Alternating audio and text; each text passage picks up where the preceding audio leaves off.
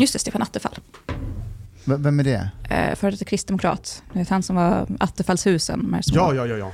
Okej. Är det han som har uppfunnit Attefallshusen? Det är därför vi nämnde Är det? Fast det är ju inte han som ska ha cred. Egentligen är det Birgit Friggebo. Ja, Fast då var det ju Friggebo där, inte Attefallshus. Nej, men det var ju hon som... Ja, började. Ja. Vänta, är det här folk som lever fortfarande? Alltså, fri, först var det Friggebo. Ja. Det var ju hon som gjorde den här klassiska uttalande på i, i Rinkeby. Rinkeby. Där det- alla skulle hålla i Alla hand ska och sjunga, säga sjunga We We are shall. We shall overcome. overcome. Ja, Mm. Den där var dålig stämning. Vänta, har hon är, är byggnaden Friggebo uppkallad efter henne? Ja. Ja, Och Attefalls hus är uppkallat efter... Stefan Attefall, kristdemokrat. Och det stannar inte där. Nej, Nu finns det Bolundare. vad, vad, vad är det? Efter Per Bolund. Är det Va? en sorts hus? Ja! Eh, hur många kvadrat är det? Vi kan kolla jag upp det. inte... Ja, kolla Vadå, så det. man kan ringa en sån här byggfirma och bara, jag vill ha en Bolundare. Ja, jag tror... Jag har Och, köpt mark. eh, principen med just Attefall och Friggebo och Bolund, det är att du behöver inte ha eh, Bygglov. bygglov. Mm. Du kan smälla upp dem en gång. Vad är det för korruption? Varför ska du inte ha bygglov för, För att de är deras så byggnader? små. Aha, Det är är Attefalls hus också små? Ja, de var lite större än Friggeboden, men de var fortfarande små. Så det är liksom så här Ah. förenklat. Ja, men vill du ha ett extra litet fritidshus på din tomt så behöver du inte söka bygglov för det. Jaha. Bolund är 30 kvadrat tror jag. Ja, Det är ändå stort. Då Ja. kan du göra som en, om du, om, om du och din partner flyttar till ett hus så kan ni smälla upp en eh, bolundare så kan jag komma dit och som en, man, man har He's ofta som en gäst, together. man har ju det ofta som en gäststuga. Ja. Men många hyr ut det också som ett eh, liksom... Men varför ska du vara i lilla stugan? Om ska jag jag vara i stora stora? i några timmar, sen får du gå hem. jag tänkte att jag skulle sova över. men, men eh, vad är det med att sjunga We shall overcome? Nej men hon Friggebo, det finns ett klipp där det är kaos i, i Rinkeby och så åker hon och Carl Bildt som var... Du måste, dra, du måste dra kontexten.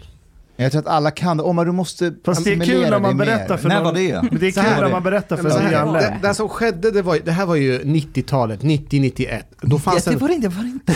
Nej, Jag Då vet fanns men det är det- klassiskt klipp. Då fanns det en tysk snubbe, eller tysk, eh, han, han var, hade tysk påbrå. Jon Afsonius tror han heter. Han gick under namnet Lasermannen. Mm. Känner du till Lasermannen? Mm. Så när jag var liten och bodde i Norrköping, då kommer jag ihåg att man, man blev rädd för att Lasermannen kunde komma och skjuta en. Det kommer jag ihåg. Eh, Jag var skiträdd, men det som var bra, det var att jag inte bodde i Stockholm. Och jag tänkte, för Lasermannen att komma till Norrköping, hur stor är chans? Nej, inte så troligt. Hur många lyckades han eh, skjuta och döda? Var inte det 11 stycken eller något Han sånt? sköt, men frågan är hur många Nej, som... ja, han dödade inte många. Han var Nej. rätt dålig på det där. Men, men det, är, det är höger som sjunger eh, We shall overcome eh, nu för tiden, hör. Ja. Men Mm. det, det som hände sen var ju att eh, många boende, framförallt i Rinkeby, var ju oroliga. Så de samlade ihop liksom politikerna och eh, till Hanif Balis glädje var Carl Bildt eh, primär, eh, han var statsminister. Ja. Mm. Så han kommer dit och försöker tona ner allt det här och säga att nej men det här är ingen stor grej, det här kommer lösa sig. Och när det är som mest stökigt då tar eh, Birgit Friggebo till orden och säger nej hörni, nu tänker jag att vi ska hålla varandra om händerna och sjunga We shall overcome. Mm. Ja, blommor fick de när de kom. Invandrarkvinnor i Rinkeby ville tala enskilt med statsministern och invandrarministern. Och det fick de, utan att massmedia fick närvaro. Än så länge var det lugnt i Rinkeby. Fast limousiner där väcker en viss uppmärksamhet. Men det var innan kalabaliken i Rinkeby brakade loss. Nästa anhalt för ministerbesöket var Folkets hus. Där skulle invånarna i Rinkeby få tala med ministrarna. Vi betalar vår, besparingar med våra liv. Kan du Vi vänta? fruktar för våra liv. Kan du- Statsministern försökte vända debatten om våld och rasism inför upprörda åhörare.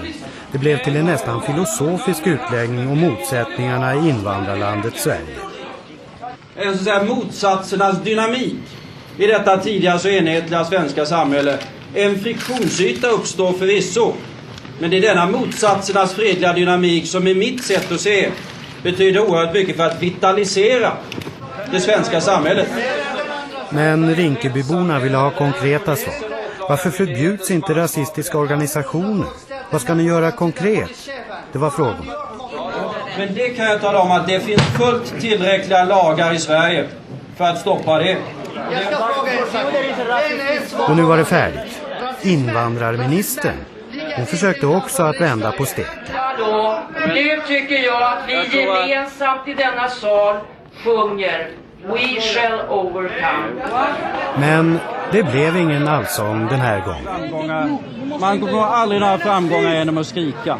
Alltså diskrepansen Ja, det är så. har aldrig varit större mellan folket och eliten eller politikerna eller kulturellt Alltså, också. det är ganska fantastiskt att se även Carl Bildts blick när hon tar till orda och säger det. Bara, Ja, han hon? säger nej, nej, nej, säger han. Han inser ändå att det är liksom Ja, till och med han insåg. helt fel. Ja. Det här påminner mig om eh, för kanske fem, för tio år sedan när min kollega Rissa hade samlat ihop en hel eh, skola. Eh, nu behöver inte jag gå in på etnicitet och sådär, men det, det var en viss etnisk, eh, en etnisk, etnisk grupp som försökte trycka undan vissa få andra. Mm. Eh, och Rissa... Ja. Vi får Varför? är det någonting fel med Eh, Så då kommer våran chef, eh, liksom lokalpolis, eller liksom närpolischefen Jörgen Karlsson tillsammans med Rissa. Och Rissa går hem, eh, Rissa är så här religionsintresserad, så hon har ju typ Koranen och eh, lagboken hemma. Och så, så kommer hon och på ett pedagogiskt sätt, eh, man ska prata med bönder på bönders vis. Så först så tar hon upp den eh, Koranen, den gröna boken, och hon säger så här. Den här boken, den har ni hemma, okej? Och så tar fram den blå boken, lagboken. Den här, den här gäller här i skolan. Har ni förstått? Och precis när hon håller på sådär, då kommer eh, Jörgen Karlsson tror jag, precis som Carl Bildt och bara säger nej, nej, sluta!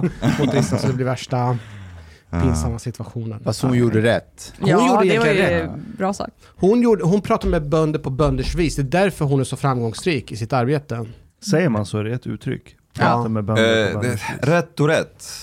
I mean, this is how it should be. Men det går inte hem om man är väldigt uh, djupt troende. Det går inte hem. Det, man, man förstår inte om man är väldigt konservativ muslim. Vad då menar du uh, Koranen bara hemma? Det är islam som, som styr mitt liv. Jag tror att även de människorna är, alltså kom ihåg att de också kommer från länder där staten kan vara dysfunktionell men också rätt förtryckande. Det staten säger, det är det som också gäller. Saddam Hussein är ett bra exempel. Ja, man, man får ju ändå säga att han var duktig på att få irakierna att förstå att så här, det här är ett sekulärt samhälle, eller så sekulärt som det kan vara. Var det när han bombade Halabja med cyanidgas eller vad det var? Jo men han, han, han försökte ju faktiskt liksom, göra Irak mer sekulär och ha religionen mer privat. De hade Allahu Akbar i deras flagga. Jag vet, men, men du kan inte jämföra Saddam med till exempel, med till Men det- exempel talibanerna. Men det, det, det, ja, ja jag, håller med, jag håller med. Okej, jag, håller med jag håller med. Men samtidigt, det, det, är inte, det, det går inte. Man kan inte säga till, till, till folk till exempel i, i eh, ett arabiskt eller muslimskt land, nej, Koran och Islam är bara hemma. Här ute i, i, på gatorna, det är bara lagen som har ingenting med Islam att göra. De kommer från, what the fuck are you talking about? Jag, jag det går att, inte att göra så på, i något muslimskt land. Det Eh, inte, inte, inte när- det är väldigt eh, ja, nej, konservativt land, det går inte. Ja, men framförallt om man jämför med, nej men alltså jag tänker framförallt om man jämför med att titta på så här World Val- Values Map så går det ju knappt för något annat land överhuvudtaget att förstå exakt till vilken kontext Sverige är sekulärt eftersom vi är så extremt sekulära jämfört även med liksom modest religiösa Är, är länder. du så. Eh, ja. Alltså som privatperson? ja, det skulle jag säga. Okej, du, du anser inte tillhöra någon religion? Nej, jag, jag anser mig vara troende, men jag tycker... Ja, du är troende? Troende, men Ja. inte religiös. Eh, Okej. Jag tycker att en vettig gud eller kraft eller någonting, ser liksom, det är mellan mig och, eh, och eh, gudarna, eller guden eller kraften eller vad det är. Eh, Spiritual but not och, religious. nej men alltså, Ja. jag tror absolut att det finns någon slags mer än det vi är. Ehm, och jag tror också att det i så fall guidas mig direkt. Inte att jag ska liksom tro på vad någon någon gång har skrivit ner i någon bok eller vad någon religiös ledare uttolkar åt mig. Utan det är en... Jag, får, liksom, jag ska lyssna till mitt samvete och får den är, guidningen är jag du scientolog? Så, så, så abortfrågan har ingenting med religion att göra för Nej, dig? nej, det har det inte. Det har det, Jag måste bara ställa, Mm. alltså, Chang är ju inte här idag. Har, har du judisk bakgrund? Eh, ja, det har jag på pappas Bra, sida. då kan vi dra judaskämt. Ehm, För att Chang inte är här, förstår du? Nej, men nu så jag ska vara alibi så alltså? kan Jag, jag är väldigt anti alibi-positionen bara så att Ja, ni vet det. På Ja. samma sätt som vi är. Fast det är bara din pappa som är jude, så du är inte riktig jude. Det- Nej, det, det är det som är intressant. Jag är ju ingenting för att alla säger att jag inte... Alltså, beroende på vilken extremtolkning man har så är jag eller är jag inte. Och det är alltid det som man, jag inte ska vara. Men, men var kommer dina föräldrar ifrån? Polen närmast och sen så är det liksom bakåt så är det ju ännu mer, ja, jag menar, har man judiskt påbrå så är det ju överallt i världen. Man har ju, det är ju ett Right. folk som inte fått stanna och mamma har ju också brett liksom spritt Centraleuropa, slavisk Får, får jag ställa... Och lite eh, romskt också. Så att Ja, var väldigt, han, han var ju väldigt arg på mig ett tag där när jag blev känd. Som, Är det sant? Ja. På vilket sätt? Men I samband med att jag utmanade ungdoms, eh, gamla ungdomsförbundet för Sverigedemokraterna, så började ju högerextrema sajter skriva om mig eh, och min bakgrund. Och då var liksom Jean arg, för att det var ju hans. Han hade Det- ensam rätt. Ja. Det fick, du, du satte fingret på Jean Frick. Ja. Det, det, det är så han. Jo, jag, jag tänkte fråga dig, det här är en ganska bred fråga, men Mm. finns det någon skillnad på, ehm, på, på så att den judiska diasporan, om man är från Polen eller om man är från andra länder, alltså hur man ser på, på religion och judendomens roll. Alltså, man, man, jag, jag brukar få höra att Mm. polackjudarna har en annan syn ibland. Oj, eh, alltså jag har ju inte haft jättemycket kontakt med den sidan. Det har liksom aldrig varit en grej hemma så, mm, religion överhuvudtaget. Han, pappa kom ju också från ganska sekulär, det var mer Okej. kulturellt och så. Men jag tror att generellt så är det väl liksom, man har ju varit väldigt förtryckt i Polen också.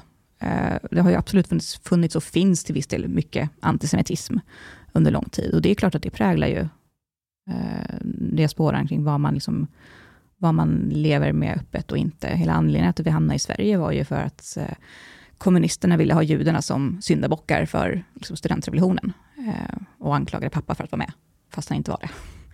Eh, så eh, så att, det- ja, det är klart att det påverkar. Det har ju varit flera vågor av framförallt judar som har lämnat Polen under Mm. Men är, kommunisttiden. är antisemitism i Sverige någonting som roar dig?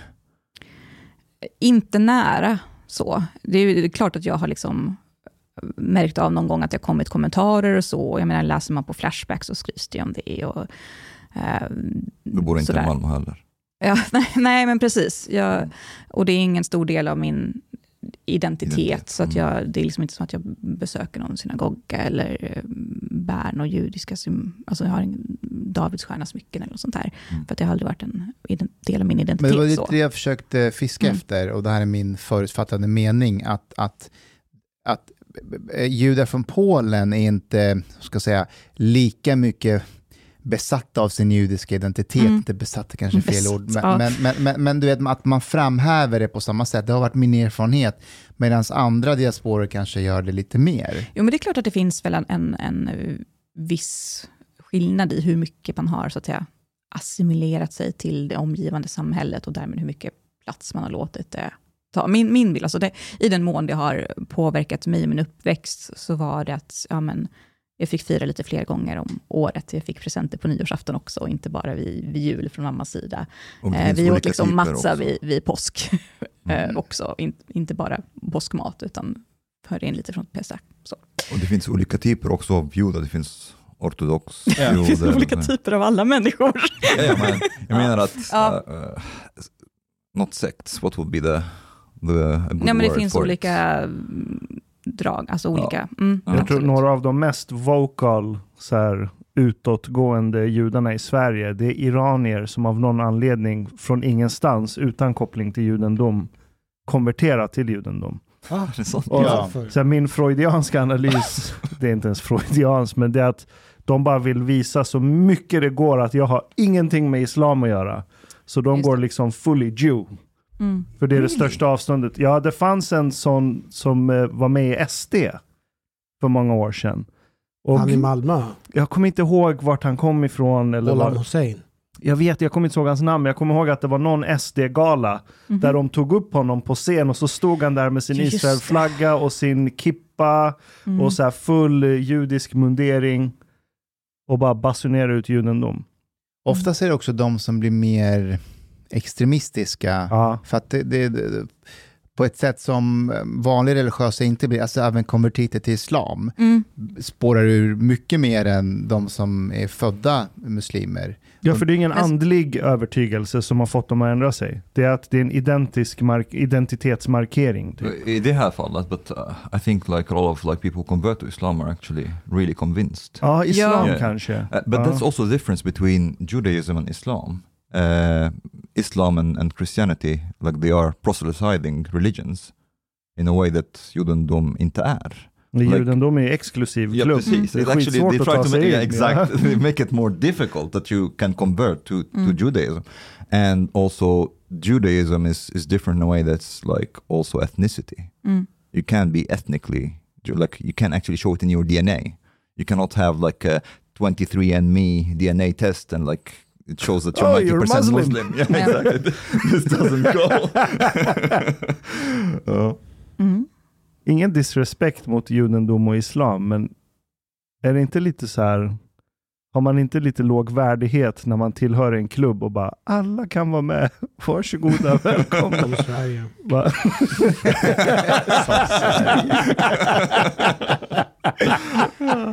Väldigt sant. Paula, Ja. hur kommer det sig att du har kommit tillbaka i rampljuset? Du syns i TV4 varannan dag och kvartal. Och... Nej men alltså det har jag ju, det började ju med ganska direkt, så jag var ju med i kvartal redan 2020 efter sommaren, där på hösten någon gång, så lite grann. Och sen så har det väl sakta trappats upp, så vart jag är med. Eh, och hur det kommer sig, ja, jag tror att det är många som har varit, de har längtat lite grann inom media, eh, har jag en uppfattning av, över någon före detta sverigedemokrat som inte är liksom ovän med partiet, eller har, att det har varit någon stor skandal när man lämnar i vredesmod och sånt där, utan för att kunna ha någon som sitter i paneler och är liksom, ja men en Daniel Suhonen, eller, eller Varför måste det vara en före detta tror du? Vad, vad är... Men man vill, man, vill ju ha, man vill ju inte ha partister i exempelvis paneler eller som kommentatorer, utan då vill man ju ha någon som, som om man är fortfarande medlem, så ska det vara på ganska låg nivå, eller mer liksom, fritänkande, någon kopplad tankesmedja eller något sånt där. Men man vill ju inte ha någon aktiv riksdagspolitiker i en allmän, nu ska vi kommentera vad som har hänt i politiken den här veckan, för då blir det ju en Ja, annan fattar. roll. Ja. Och det har ju inte riktigt funnits så många. Det har ju liksom varit Dick Eriksson som ju är anställd av partiet eller av partiets eh, underbolag och sådär. Eh, jobbar för samtiden. Eh, så att, Men du lämnade inte efter en skandal alltså? nej, Jaha, det var helt utan skandal? Varför Ja. lämnar du? Eller är, är det att det har skett en skandal men vi vet inte om den? nej, nej, tvärtom. Eh, jag fick ju liksom nästan slåss för att lämna. De ville ju övertala mig att stanna kvar. Nej, men eh, många anledningar. Jag tycker inte riktigt om hur partiet utvecklades. På vilket Eh, sätt då? Ja, men visst, både, både lite organisation och lite politiska frågor. Eh, Som? sånt som gick ut. När jag lämnade så lyftes ju exempelvis abortfrågan, hur, hur den förändringen skedde. EU-svängningar, diskussioner. Jag har även nämnt tidigt när man, hur man har liksom diskuterat förändringar i NATO-frågor och sånt där. Um, där jag kanske inte nödvändigtvis inte håller med om, om att ändringen var fel, men däremot processen, hur man har gjort det och vilka argument man har använt, kände jag att det här är inte riktigt min grej. Det handlar lite grann om, om eh, vilka personer som får nya positioner och vilka andra som, som lämnar allmän riktning av partiet, vilka frågor som lyfts fram, vilken eh, kommunikation man har och sådär. Men om, Ehm, vi skulle ta det här med abortfrågan, Mm. vad, vad handlar det om? Alltså, där ändrade man ju partiets åsikt från att eh, vilja begränsa eh, aborträtten och flytta gränserna till tidigare veckogränserna, eh, till att rakt av inte bara liksom säga att okej, vi accepterar att lagen är som den är nu, utan vi står bakom nuvarande svensk lagstiftning. Och man gjorde det också i den debatten, om man såg på landsdagarna, så var det väldigt många som lyfte fram argument att ja, vi förlorar väljare på det här. Eh, Mhm. och, och det har varit svårt att försvara det i valrörelsen och sådär. Eh, Och och det, det tycker inte jag. Jag vill inte vara med i ett parti som eh, tänker valtaktiskt. Jag vill vara med i partier som har åsikter och står för det de tycker och argumenterar eller byter åsikter för att de har fått mött bättre argument. Eh, och där man fortfarande har en stark ideologisk liksom, grund. Nej, det är på grund av den att som eh, den principen eller på grund av att abortfrågan är väldigt viktig för dig? Eh, På grund av den principen framförallt. Alltså hade det exempelvis varit så att man hade haft en, en annan diskussion och att man hade blivit eh, överkörd av landsdagarna istället för att partiledningen som tidigare har försvarat en, en hållning helt plötsligt byter och med argument som jag inte tycker håller. Eh, då hade jag kanske liksom kunnat stanna kvar och helt enkelt bara säga att ja, men jag kommer inte ta i den frågan, utan då får andra som företräder den, eller så kommer jag vara väldigt, väldigt tydlig med att ja, men partiet har den här åsikten. Eh, men så har man ju gjort. Det finns aldrig något parti där man kan vara medlem där man håller med om alla frågor. Det är klart att jag har fått företräda linjer jag inte håller med om, eller sagt att men nu får någon annan ta den här diskussionen, för att jag kan inte stå för det. Liksom. Ehm, men principen där kring hur och varför man ändrade, Mm. och sen i kombination med att det var, det var, det blev mer och mer över tid, där jag kände att, jag satt ju liksom i yttersta partiledningen, jag satt i verkställande utskottet, och den sista tiden där så var det nästan inga möten vi hade, utan att jag lämnade in minst en reservation. Och någonstans så känner man att det blir liksom, det finns en gräns kring hur mycket jag kan sitta kvar i ledningen, Eh, och inte känna att jag håller med om beslut man fattar och hur man argumenterar. Och så har jag samtidigt varit så pass framträdande, eh, i, i och med bland annat också att jag var liksom kvinna och en kvinna som inte var rädd för att synas i media, eh, vilket gjorde att jag fick väldigt mycket utrymme, för att man vill, vill ha variation återigen. Um, så det skulle kännas konstigt att bara bli en vanlig ledamot och liksom sitta och trycka på någon knapp ibland och ha någon pyttefråga. Det, det skulle liksom vara väldigt märkligt. Det vill jag inte vara. Om vi, om vi tar just den frågan med abort, Mm. tror inte du att, att SDs intresse för den frågan från första början, var inte det rätt taktiskt till att börja med? Alltså var det så här, jag förstår att Mm. invandringsfrågan, Mm.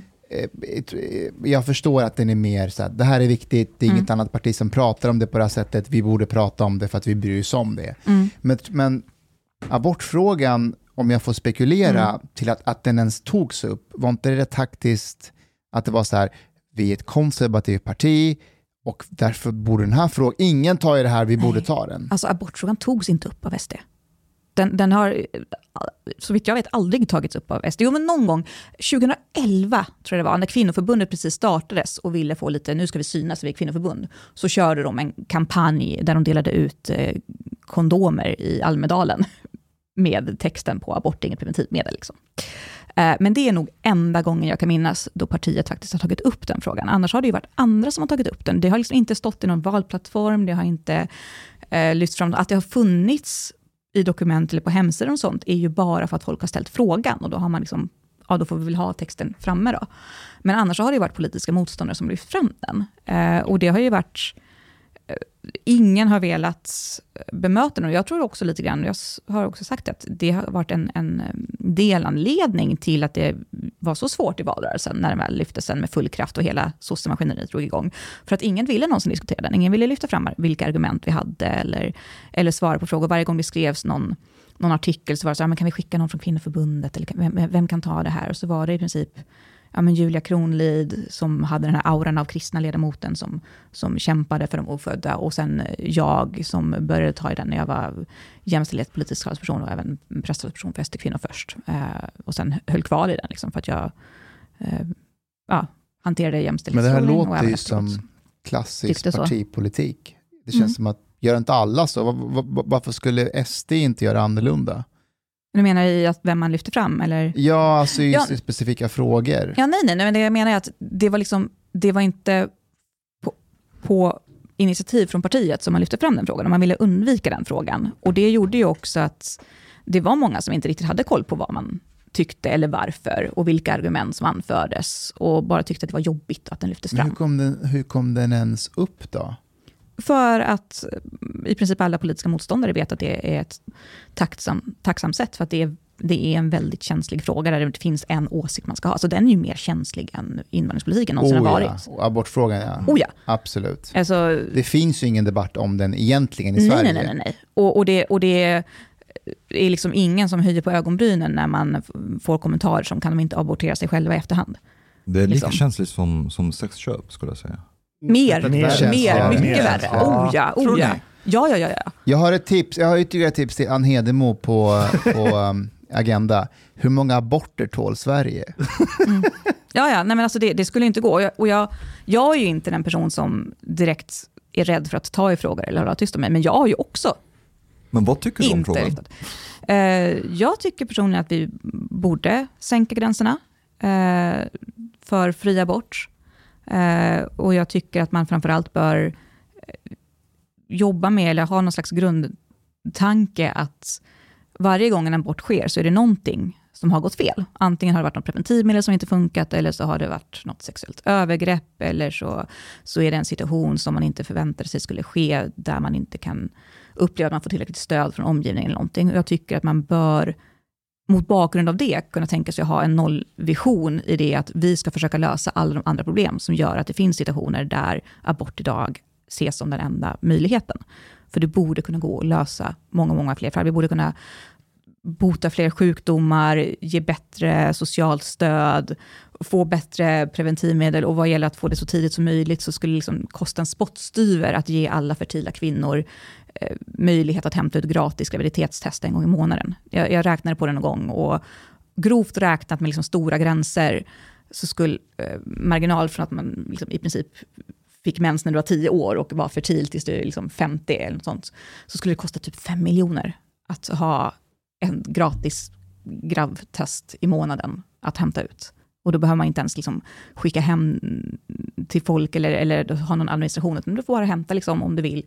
Och det behöver inte registreras någonstans. Och då skulle man kunna få veta det mycket tidigare och kunna slippa sena aborter. Till, till vilken vecka skulle du vilja se den sänkt?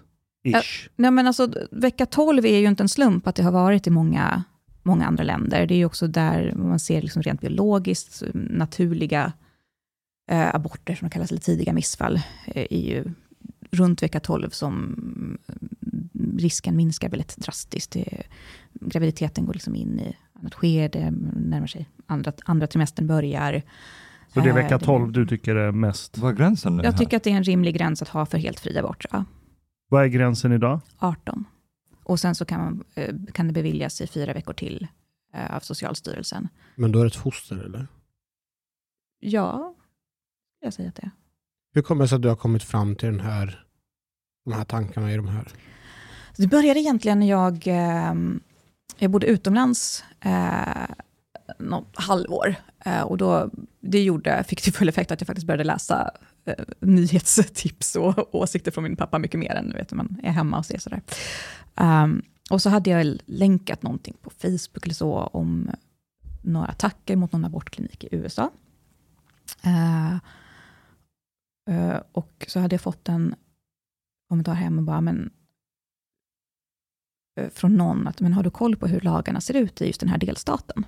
Eh, och så var det någon av de delstaterna som då i alla fall beviljade det de kallar abort fram till födsel i princip. Det har ju funnits så i USA, det finns många som tyvärr förespråkar att det bör vara så fortfarande. Um, och det chockade mig när man läste på hur det går till och att det finns de som tycker att det går så sent.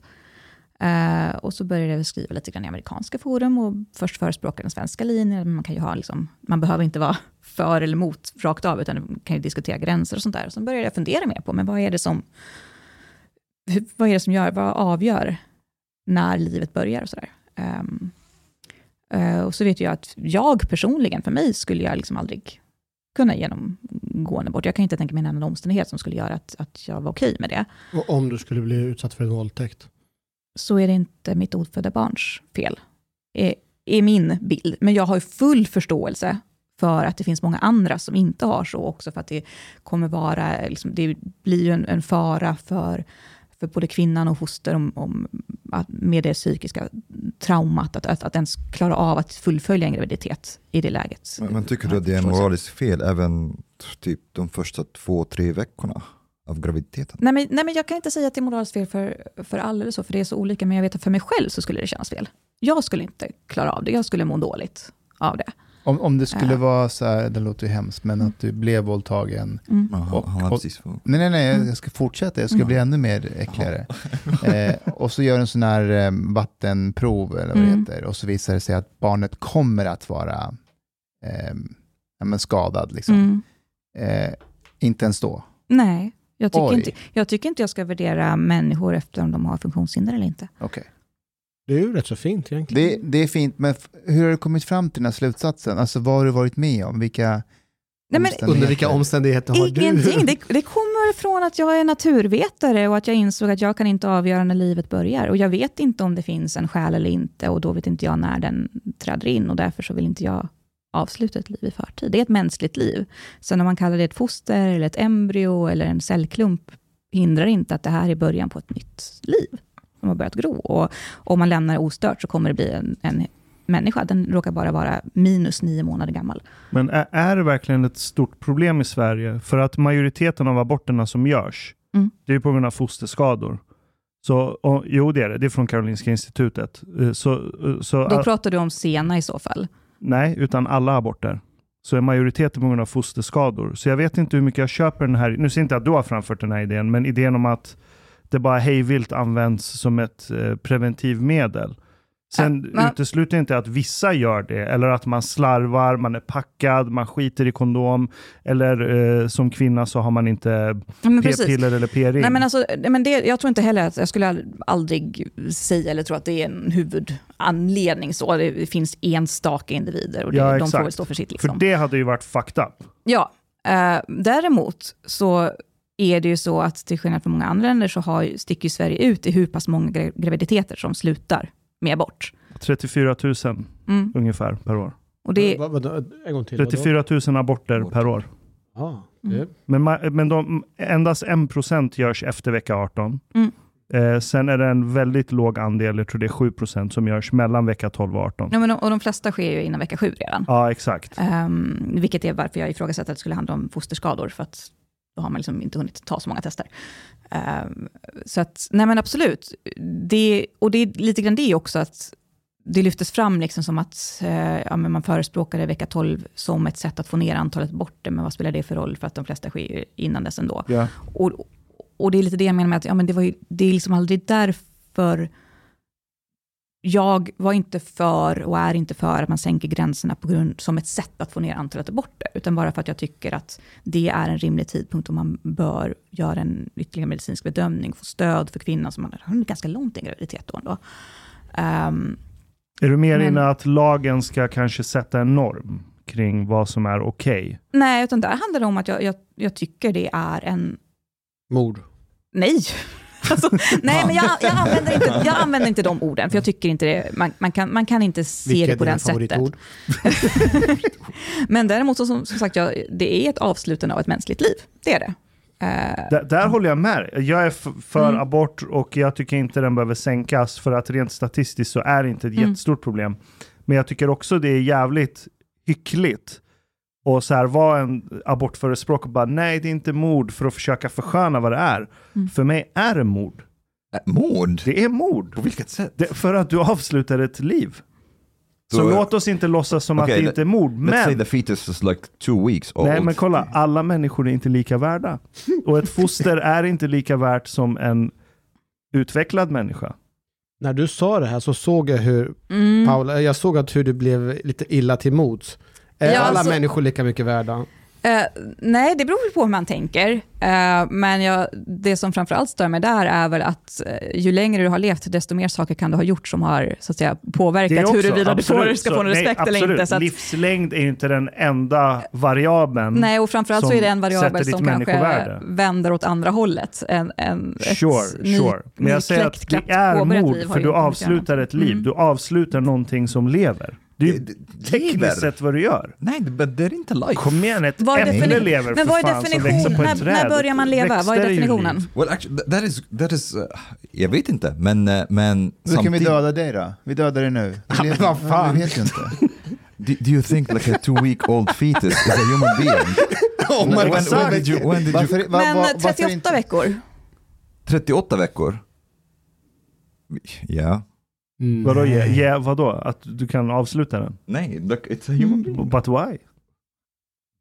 30. Well, first of all, like there's a lot of like functions when it comes to the nervous system, for example. Feeling Mm. pain could be something that could be like how you respond to pain. Okej, i, be i, some- i, i en teoretisk värld där, där man kan göra det helt smärtfritt för fostret. No, no, no. I mean to it. test to test like because I care about like conscious life. I'm not I'm not saying about like like I come back to this. People say, oh, but what if Innebär someone is in a conscious coma? life?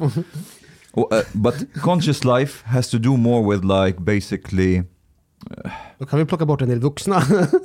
Vad, vad sa du? om man inte är medveten. No, no, but this, this is Ja, exactly men what I vet du, där är jag med dig också. Ja. Jag, jag tycker att vi övervärderar liv och undervärderar medvetande och intelligens.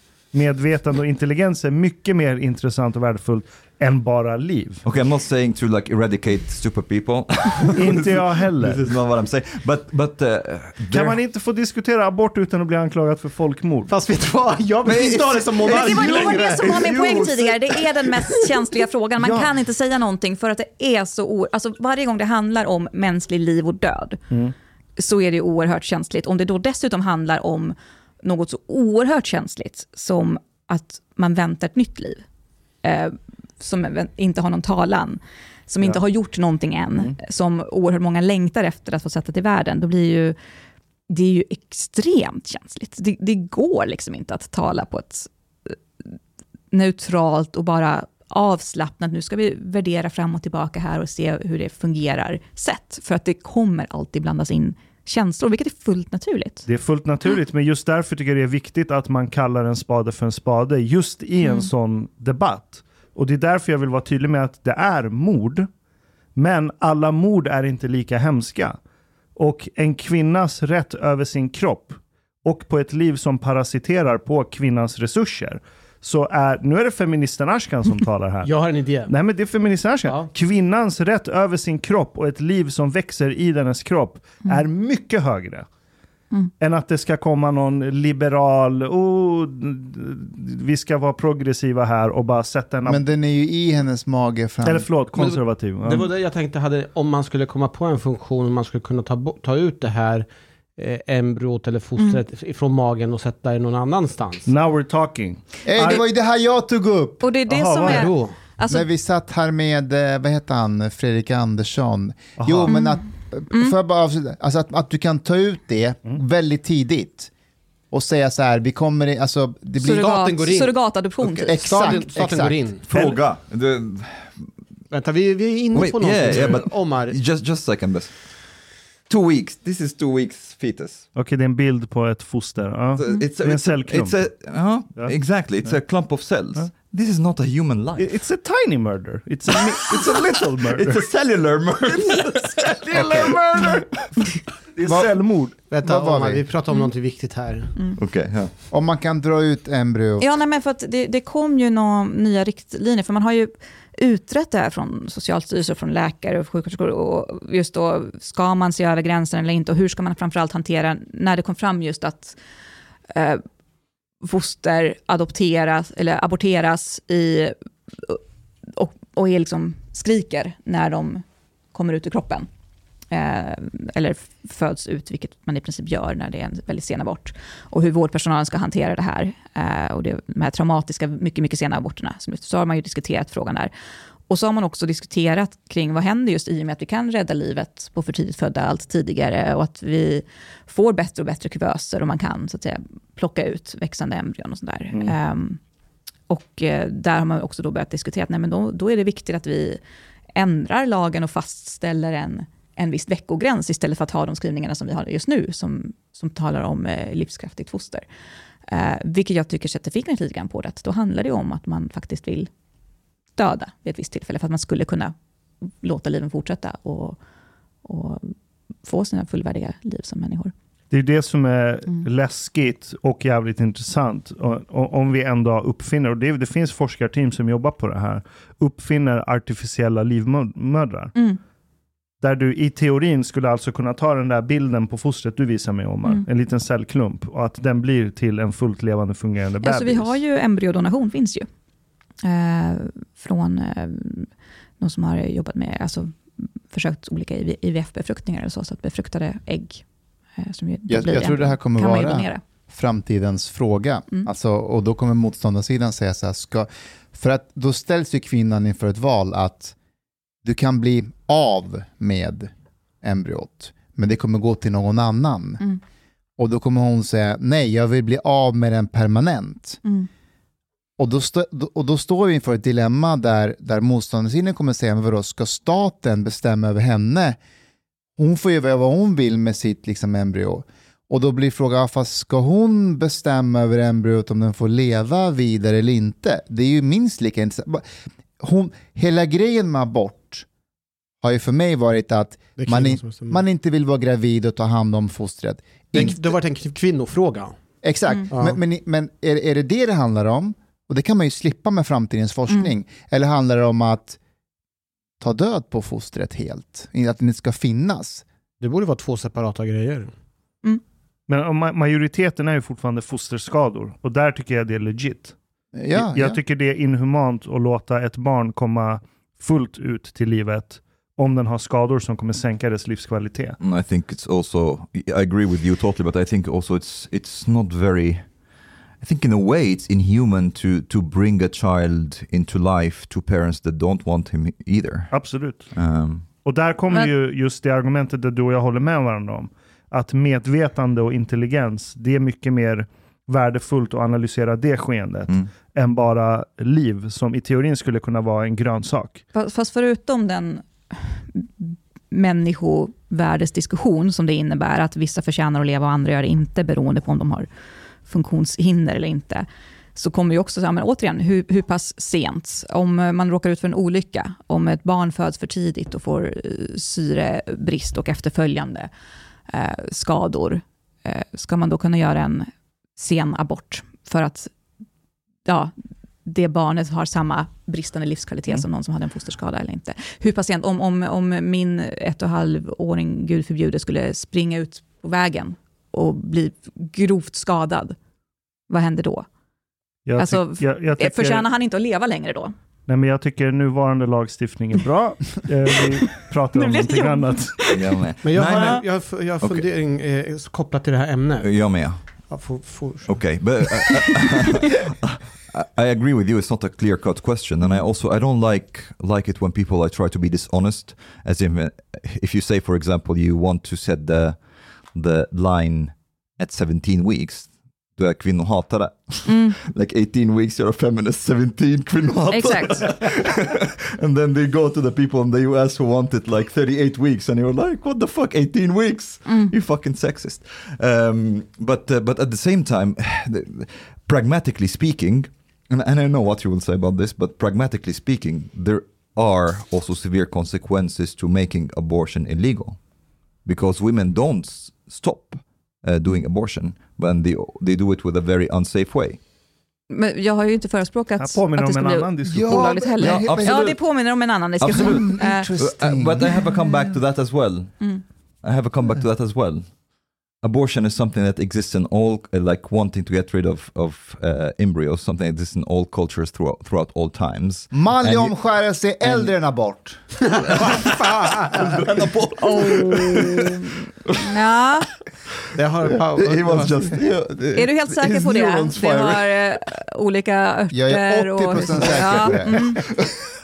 Man, anyways, uh, and also that people try to say that it's something that män som försöker kontrollera kvinnors kroppar när det är typ 50, exakt, nästan exakt 50-50, like women kontra män who want to make it illegal. I Är det så i Sverige Sweden. också? Uh, USA definitivt. There is, USA. there is, there is a.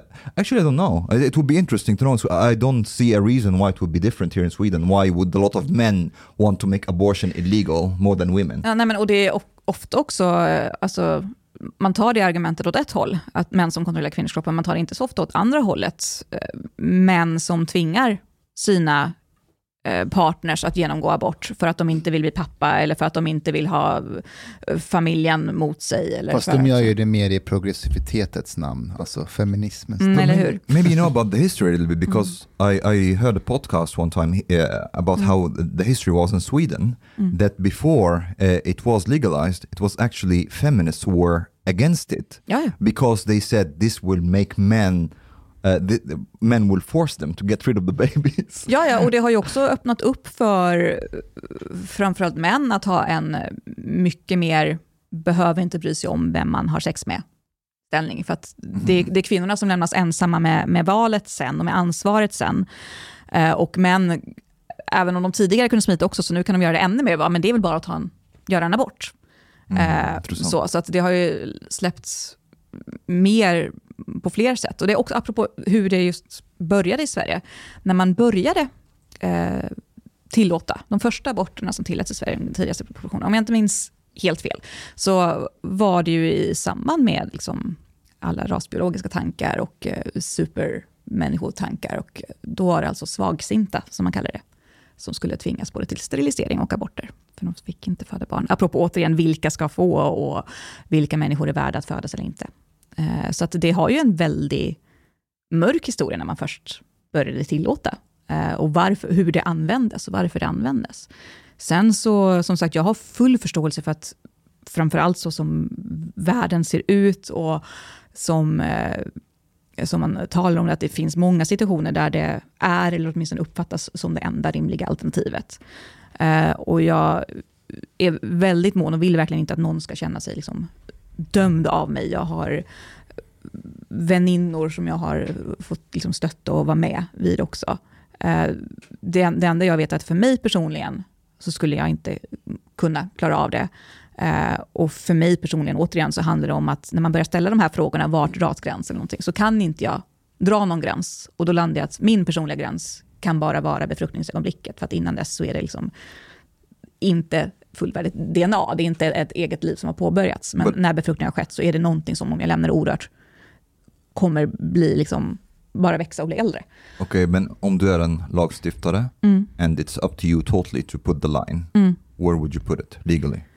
Vid 12 veckor skulle jag dra det för, för helt fri abort, just för att där tycker jag att när man liksom börjar närma sig att gå in i andra trimestern, eh, när processerna i kroppen blir annorlunda, när man börjar prata om att eh, aborten i sig sker på ett annat sätt, så tror jag kanske framför allt att man behöver, även för kvinnans del, få en annan stöttning, få, få gå igenom, få prata av sig lite grann, säkerställa ännu mer att det sker av skäl som, som hon själv har kommit fram till. Eh, och som hon också kan känna efter, efterhand att hon fick stöd och det var ett väl genomtänkt och väl avvägt beslut, givet alla omständigheter.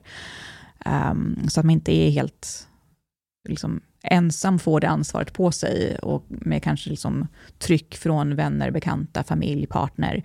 Eh, och, och, bara förvänta Man pratar mycket om att just det här att det skulle vara att ta ifrån eh, kvinnor deras självbestämmande rätt och bara vara hemskt. Men jag, jag tycker också mycket att man, man ser då inte nackdelarna med hur det är just nu och hur, eh, hur tungt det ansvaret kan vara och hur lätt många andra gör det att fly undan genom att säga att det där är väl inget stort beslut, det är ju bara att Vänta, finns det en opinion som säger att om man sänker abortgränsen till 12 veckor så tar man ifrån kvinnorna deras bestämmande rätt? Eller om man tar ja, det är ju det det handlar om. Alltså det, det, det, det är ju det, alltså de feministiska argumenten för det är ju en kvinnorättsfråga. Kvinnan måste ha själv, rätt att bestämma själv eh, om abort till just vecka 18. Av någon anledning så har man valt att den gränsen är optimal.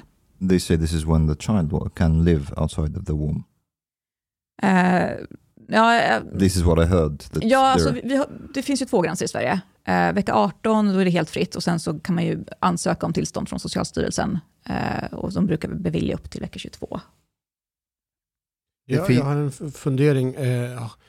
Jag var och surfade på Twitter och då såg jag någonstans att du hade twittrat att du hade fått ett världens bästa extrajobb. Ja. Och jag, och jag undrar ifall det har någon koppling just till din syn på liv? Um, nej, Va, alltså jag, jag, jobbar som babysiminstruktör och, och småbarnssimlärare.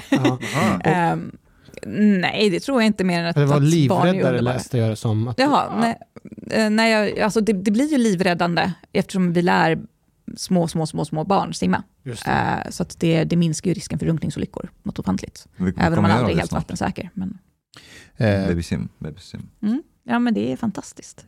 George Carlin, som alla här säkert känner till, var en amerikansk komiker som nu tyvärr inte är med oss. Men han hade ett skämt om abortfrågan i USA. Han, då, republikaner är ju mm. oftast eh, mot. Mm. Och då sa han att, att republikaner älskar dig innan du är född. Men så fort du har fötts, då skiter de i dig. du får... they send you to war. Exakt. Du får inga bidrag, du är on your own. Men innan så älskar de dig. Mm. Mm. Jag hade faktiskt väldigt mm. svårt att se Jag var extremt anti, anti-abortmänniskor. Mm. Väldigt länge. Det är på senare år jag har full empati för, nej men på riktigt, människor som verkligen ser det Vad som beror det att, på? jag vet, jag vet inte, men vad Är det alla dumma människor eller? Nej, nej, men alltså den här sy synen att så fort befruktning har skett Mm. så är det ett liv. Jag kan empatisera med den, men jag sympatiserar inte med det. Mm. Jag är fortfarande radikal ar- abortförespråkare, men jag Hur kan... fa- sent?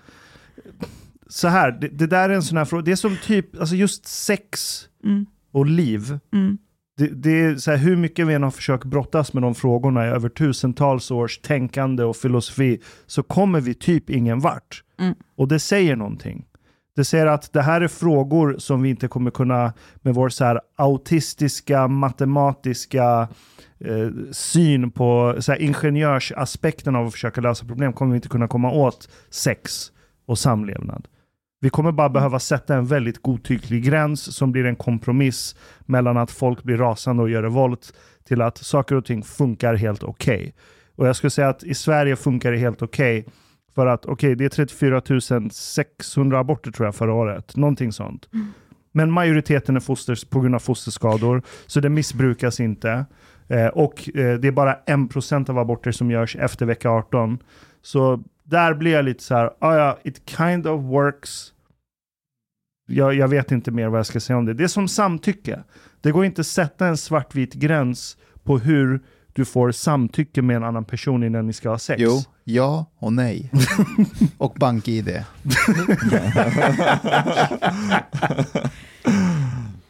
Alltså jag är fortfarande tveksam till att det skulle vara majoriteten av fosterskador, just i och med att majoriteten sker så pass tidigt. Det, det är en studie jag läst från Mm. Karolinska institutet. Jag kan ha missat Alltså man, man, någonting i man, den. ja, det har du, för att man får ju inte Alltså man ställer ju inte frågor om skäl. I och med att det är helt fri abort fram till vecka 18 så redovisas inga skäl. För du, du går bara in och säger att du vill ha en abort.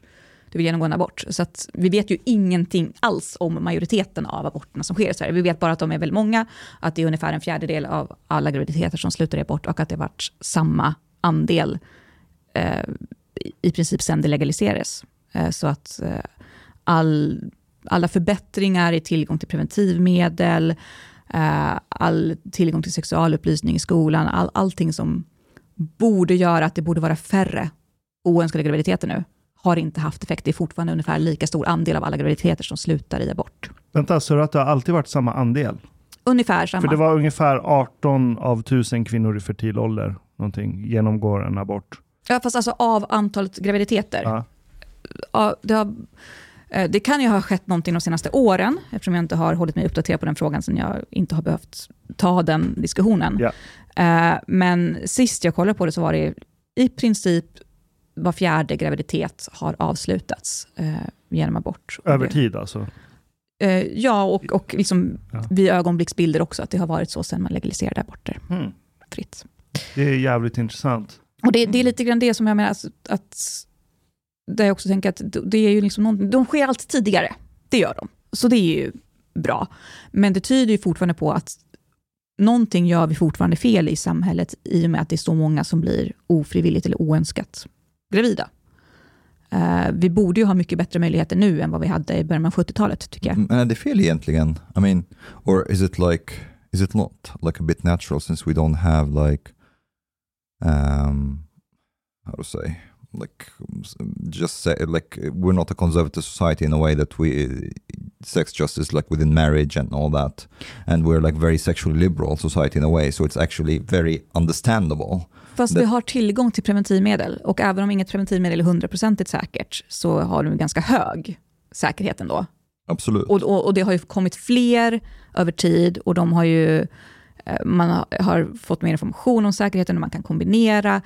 Och det är där jag tänker att någonting har man ändå gjort fel när vi trots mycket bättre tillgång till preventivmedel och kunskap om preventivmedel så är det fortfarande lika många ungefär som blir gravida och inte vill behålla sina barn. don't don't you think that there can be yeah i agree with, you of course that you know now we have like much much better access to like preventive medicine and so and so on but don't you think this has also been cancelled out to some extent to the degree that casual sex has been acceptable for example. Vi, vi, kan vi har inte mer liksom, casual sex nu än vad vi hade under hippie-tiden, 70-talet och slutet av Is this actually true or is this a, is this a myth? Because like fr- from what from what I this is interesting because Du önskar att du levde på den nej, tiden. nej, vänta, vänta. The thing is, Har jag verkligen gått miste om? the hippie movement, the hippie movement was not necessarily, it, it was a counterculture movement. Uh, It actually was Det not var inte sexualiserat när man It was mm. never like really representative of the whole culture or society in that way. It was a movement within society. That doesn't mean that like basically the average person Men det är det jag tänker också. same- Att det Ja. var en liten grupp människor som låg väl, knullade väldigt mycket. Men tog droger. och tog droger. Men majoriteten gjorde det. Ja, men alltså, absolut, visst. Men jag, jag, jag tror väl ändå att man har kunnat uppleva någon slags, de senaste eh, decenniet åtminstone, så har åtminstone jag upplevt att samhället har gått i en mer moralkonservativ riktning vad gäller sexuella relationer. Ja och nej. Eh, jag, jag tror att det är konservativt på ett sätt att I think feminism, or like at least Swedish feminism, has has a more conservative or more antagonistic syn, syn på, på manlig sexualitet Mm. på det sättet. But I don't think that casual sex in itself Mm. um, has become more stigmatized in society at all. I think it has been, at least it's not what I think. Casual sex is more Men intressant, stigmatized now. jag, jag ska inte säga... Mm. Fast kidsen ligger ju mindre idag. Mm. Men det behöver inte ha med en moralisk Yes, syn Det är mer Exactly. att de är på Instagram. Ja, exakt. Ja. De, de, de vill visa att de har sex. Exakt. Men de exakt. Nej, men det där är sant. Det finns Ja. ett fenomen bland ungdomar nu där de går in i butiker, tar på sig fett dyra plagg och Mm. tar selfies och lägger ut det. Sen går de och bara hänger tillbaks plagget och går hem. För de lajvar liksom självförverkligade typ. Mm. Like the people who take like uh, selfies next to yachts that they don't own. Exakt. Det finns, det finns ett bolag i Ryssland som erbjuder det som tjänst. Ja, de tar, jag tror 50 dollar. Not anymore. Ja, de är kanske sanktionerade, jag vet inte. Men de har typ en privat jet och en privat helikopter som är så snyggt inredda. Och så får du en kvart där inne för 50 dollar för att ta selfies och så kickar de ut dig. Vad jobbigt om de bilderna man lägger upp att det är samma så här bakgrund. samma interiör. Ja. exactly. Du, har, du är fortfarande med i, eh, inte Lottakåren, förlåt. Jaha, men, ja. är det Eh, Lottakåren? Hemvärnet. Ja, Hemvärnet. Lot- Lottakåren och Hemvärnet, ja. Varför, eh, du, du har ju haft så här intresse för det ganska länge vet jag. Mm. När, när gick du med i det? Eh, Jag gick med i Lottakåren 2012 har jag för mig och jag gick min grundutbildning där 13-14 någonstans och fick min krigsplacering 2014. Vad är Lottakåren? Lottakåren är ju en av de frivilliga organisationer som vi har i Sverige som eh, ja, har olika roller i, i försvaret, inom Försvarsmakten och utbildar eh, olika delar. Traditionellt sett så var ju Lottakåren eh, den organisation där kvinnor eh, organiserades just för händelse av, av krig och kris och var liksom sjukvård, matlagning och så. Det är också- också mycket av de eh, positionerna som fortfarande tillsätts och utbildas inom Lottakåren. Eh, stab, Är Lottakåren bara för kvinnor? Lottakåren är bara för kvinnor. Eller de som identifierar sig som kvinnor? Jag vet inte om man har fått några sådana fall och behövt ta ställning till igen faktiskt. Men man behöver inte göra lumpen för att vara med där eller? Nej, det behöver man inte göra. Okej. Ehm, däremot så bör man väl genomgå alltså utbildningar ifall man vill ha en vidare position och engagera sig inom hemvärnet. Jag, jag gjorde ju tyvärr inte lumpen, jag sökte men eh, jag sökte vidare till eh, tolkskolan bland annat. Eh, Tolkskolan? Ja, och där är det ju Aha. väldigt, väldigt... eh, Jag, jag kom vidare till antagningsprövningen, men, men sen så tar jag bara ut 20 om året. Något sånt där. Eh, För de som inte känner till att kunna bli antagen till tolkskolan, det, det är Det inte är premium. Det Ja. är bland de vassaste Ja. knivarna i Mm. knivlådan. Hur många språk behöver man Hon blev ju kunna? inte antagen. Nej, men hon var ju med. Hon var tillräckligt vass, men inte... Var det dina värderingar kring abort som gjorde att du... Nej, det var nog att jag eh, kvällen innan vi skulle skriva provet, man får ju hem så här, eller då var det i alla fall, så fick man typ 200 finska glosor som man skulle lära sig. Eh, och så skulle man skriva prov på det, man fick dem en vecka innan provet, och sen skrev man det där. Ehm, och jag var dum nog att kvällen innan eh, eh, min extra mönstring så eh, gick jag på nation, för vi hade landskap på nation och jag valdes till eh, lördags eller söndagsbrunchvärd, tror jag det var då. I Uppsala Eh, eller? I Uppsala. Vilken Eh, nation var du med? Vedala. Aha. Jag är född i Västerås. Så. Ehm, och jag var yngst vid honnörsbordet. Eh, och istället för att gå hem och plugga som jag hade tänkt, så uh, lät jag mig övertalas att stanna kvar. Så jag var nog lite bakis när jag gick till extra prövningen och hade inte pluggat sista kvällen som jag borde. Ja, du får skylla dig Jag, jag, jag, jag skyller mig själv ganska mycket för det. Men så. har du gjort den här krigsutbildningen hos hemvärnet? Ja, men precis. Då har Ja. jag gått det via Lottakåren Ja. och eh, hemvärnet sen. Så att då har man ju två veckors grundutbildning, bara allmän. Får man skjuta? Det får man göra. Men uh, how long Jag is kan hantera en AK. grundmilitärutbildning? GMU, eh, tre månader var det när jag... Mm, vanliga GMU är tre månader och sen så får man ju befattningsutbildningar Mm. efter det. Shit, maybe we should do it. Jag har anmält eh, mig till hemvärnet. Ja, men Mm. Men, ja. Mustafa, du behöver då? man uh, gå på grundmilitärutbildning innan? Du måste väl ha Nej. medborgarskap? Du måste Ja, vara det måste medborgare. Du får vänta. man kan Ja, inte det är lita sant. på dig. But Problemet- det är sant, but samtidigt de säger att total, um, totalförsvarsplikt Mm. like, gäller alla. Japp, Ja, inte Om- bara medborgare. men alla får ju inte vapen. Alltså totalförsvarsplikten. Men Omar, du måste, du Totalförsvarsplikten måste innebär att du ska bestämma göra dig. Förra saker. avsnittet så pratade du om att vi ska kicka ut folk som inte ska vara kvar i landet på grund av asylskäl. Nej, det gör det inte. Ja, that, that we're here illegally. I'm not here illegally man. Nej, men de som, inte, de som inte hade asylskäl, vi ska ompröva och se ifall man fortfarande har asylskäl. Tänk om det visar sig att du inte kommer ha asylskäl. Egypten har ändrat sina lagar och regler. Du är välkommen tillbaka till Egypten. Då kommer inte du ens få chansen att få ett medborgarskap. Så du måste bestämma vilka, eh, vilka a inriktningar du ska... so. Ja, du har ju anknytning Ja. till landet. Mm. Ja. Du, ja.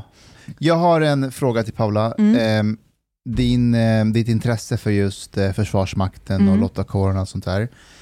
Ehm, hur har det varit under de åren du varit aktiv i SD när det kommer till NATO-frågan? För jag kan Mm. tänka mig att du har varit för ett NATO-medlemskap. Nej. Tvärtom. Intressant. Nej men alltså, så här. Däremot så, jag, jag tycker ju om att vara lite annorlunda än andra. Eh, Så att jag är, Du verkar vara lite grann som Chang, lite trotsig. ja, Bara det, det säger- kanske är bara- någonting med påbrån där. Eh, det. Så, ehm, vi har nog pratat om det någon gång, jag och Chang faktiskt, att vi på många sätt väldigt lika och på många sätt väldigt, väldigt olika. Ehm, men jag vill helst vara eh, alliansfri. Ehm, jag eh, skulle inte gråta tårar om vi var medlemmar i NATO. Jag har varit på samövningar med NATO och liksom lärt mig både NATO-standard och svensk standard och tycker det är, och har under lång tid också tyckt att ja, men, så som geopolitiska läget är så är de självklara samarbetspartners nu. Jag kan inte tänka mig att vi skulle hamna i en situation då det skulle liksom finnas andra som vi vill eh, vara, vara på samma sida som. Eh, däremot så tycker jag att rent principiellt så tycker jag inte att man ska gå med i liksom förhandsallianser. Jag tycker att det är viktigt att ska vi skicka svenska medborgare i strid i något annat sammanhang än att försvara Sverige, så bör det vara extremt tydligt och får inte finnas minsta tvivel om att det är de dåvarande svenska politikerna i den situationen som har tagit, gjort en omvärldsanalys och tagit aktiv ställning för att vi tycker att det här är ett läge då vi vill och då ta vårt liksom medmänskliga eller västliga eller vad det nu är, ansvar och eh, delta i en militär insats. Eh, och jag tycker också, vilket nu har visat sig eh, i situationen just nu, att det bör man göra alldeles. Alltså jag vill, jag vill all, vare sig att man ska vara förhandsbunden och lova att vi ska delta i en insats, eller känna sig låst av att men de är inte med, så då hjälper vi dem inte. Om man tittar liksom på na, hur NATO agerar nu, att man lämnar Ukraina i sticket för att de inte är medlemmar. Jag vill inte vara med i en sån allians heller. Men, Eh, utan jag tycker att man bör ta ställning till hur ser situationen ut nu? Är det här någonting där vi tycker att vi bör delta militärt eller inte? Men på vilket sätt skiljer sig det från ett så här försäkringsscenario? För du måste alltid betala en premie för att få en försäkring. Och jag ser NATO rent enkelt som en försäkring egentligen. Ja. Men du kan inte få en försäkring utan att ha betalat premien. Det är inte den bästa Nej, men det- försäkringen. Skillnaden här är ju nu att i försäkringen ingår att du ska själv agera. Ja, och, precis. För det, men det, det, det, inte vanliga försäkringar. men det är en försvarsallians. Så du agerar med proof of work, med pengar i en hemförsäkring. Mm. Och I det här fallet så betalar du med att du säger att vi kommer skicka x antal. Och pengar. Skillnaden är väl att om, om min Och- grannes hus brann ner och min granne var oförsäkrad så skulle jag ändå vilja hjälpa den grannen att bygga upp ett hus på nytt. Du ja, Mm. men jag hade Precis. inte gjort det. Nej, exakt. Eh, men, Men, men vänta. och det finns Du- olika, så att, och, och för min del så handlar det om att jag tycker att jag vill inte binda upp våra politiker till att sli, slippa ha någon slags moraliskt ansvar. men, men tycker du att Ah, väst okej, ska gå in i Ukraina nu? Ja. Du tycker det? Jag, jag, tycker att, alltså, jag tycker att man bör, ha gjort, bör göra mer och redan borde ha gjort mer. Men det kommer, kommer starta krig? Det är krig. Nej, men, Men mot oss. världskrig. Det är krig. Och det, alltså, som jag ser det just nu, så- så jag har absolut ingen bild av att Putin kommer stanna. Jag, jag, jag vet inte vad som skulle få honom att stanna. Och jag tycker, att, jag tycker det är fegt att låta ett land förintas för att en, en galen man har stormaktsdrömmar och flyttar fram positionerna bit för bit. Och man tittar på för att nej men, ja, de, de har ju faktiskt inte gått med än. Så då låter vi dem bomba sönder. Vi låter BB bombas. Vi låter eh, alla civila som inte har gjort någonting annat än att vilja ha ett, leva fritt i ett eget land och välja vilka allianser och vilka gemenskaper de ingår i. Tror du responsen Eh, hade så- varit så om de inte hade haft kärnvapen? Nej, jag vet inte. Men Det, det, Nej, där ser jag Mm. en stor skillnad. Ja. Mm. Att det finns kärnvapen och att man kan använda det mot... Så det, Ja, och hur länge ska man då vänta? Hur, hur många ännu icke NATO-länder ska, ska totalt få raderas med hotet av att Putin kommer använda kärnvapen? The cynical answer to this would be Tre. I, All of them? all of them. Mm. I think uh, um, this is not necessarily something I actually I, I thought a little bit. like, Jag har gått fram och tillbaka. I don't know, like because of course when you see what's happening in Ukraine and so on, and you know that the West has like capacity to kind of stop that. Mm. Maybe with, with with with price to pay, but we can stop it. Of course, you can think, well, maybe we should. You know, Hur? Alltså utan, och samtidigt undvika kärnvapenkrig. Det går ju inte. Alltså, Det är det. ja, ja. vi skulle kunna skicka, vi skulle kunna Vi skulle skicka kunna mer nuka material. Ryssland. Det Det, är typ enda sättet. Förlåt, vadå? Alltså kärnbomba, kärnvapenbomba Ryssland. Sorry, alltså Nöj det är er med enda Kreml. sättet. Vad sa du? Nöj er med Kreml. på det. Men, Jag eh, säger inte att jag vill det. Jag Ja, säger bara okej. att de, nej jag vill Yeah, inte, yeah. jag vill inte That's- använda That's my kärnvapen. other side. So I have this thought, then I have like these thoughts again. Mm. Okay, but they're inte rimligt. Like, and also like the countries have responsibilities toward also like their citizens. Like for example, if Sweden would go to decide to go to war with Russia for the sake of Ukraine, and then Russia decides to like bomb us. Nej men Det är absolut. inte... Vi, ja. vi måste Det- ändå ha beaktningen att eh, om vi går med i NATO eller om vi är med Mm. involverar oss mer, vi måste ju beakta att våran egen trygghet och säkerhet kommer under lång tid förändras Mm. radikalt. Där, vi- för jag kommer ihåg när jag var ute och föreläste för elever så brukar jag alltid ställa frågan till elever, är det någon som tror att det skulle kunna bli krig eh, under Mm. vår tid? Och då säger alla nej. Mm. Medan all fakta och statistik säger att 99% av all mänsklighet har bestått av eh, krig och Mm. Följer och sådär. Så det, det rimliga vore ju att man kan tänka sig. Men vi måste ju kunna eh, mentalt förbereda oss att vi ska kun- kunna leva med en annan hotnivå. Mm. Och det tror jag många har, har svårt att föreställa sig. Absolut. Så är det ju definitivt.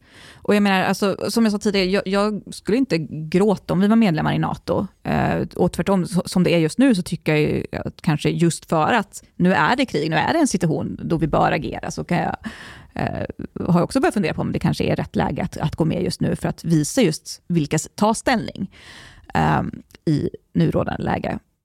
Men det är just, alltså, idealt så tycker jag just att man bör inte ha de här förhands beskeden och, och gruppera sig i förväg. För att geopolitiken ändras. Man vet inte hur, hur länderna ser ut om tio år, vilka som har tagit makten, vilka man vill vara allierad med eller inte, då, vilka som har begått övertramp då eller inte.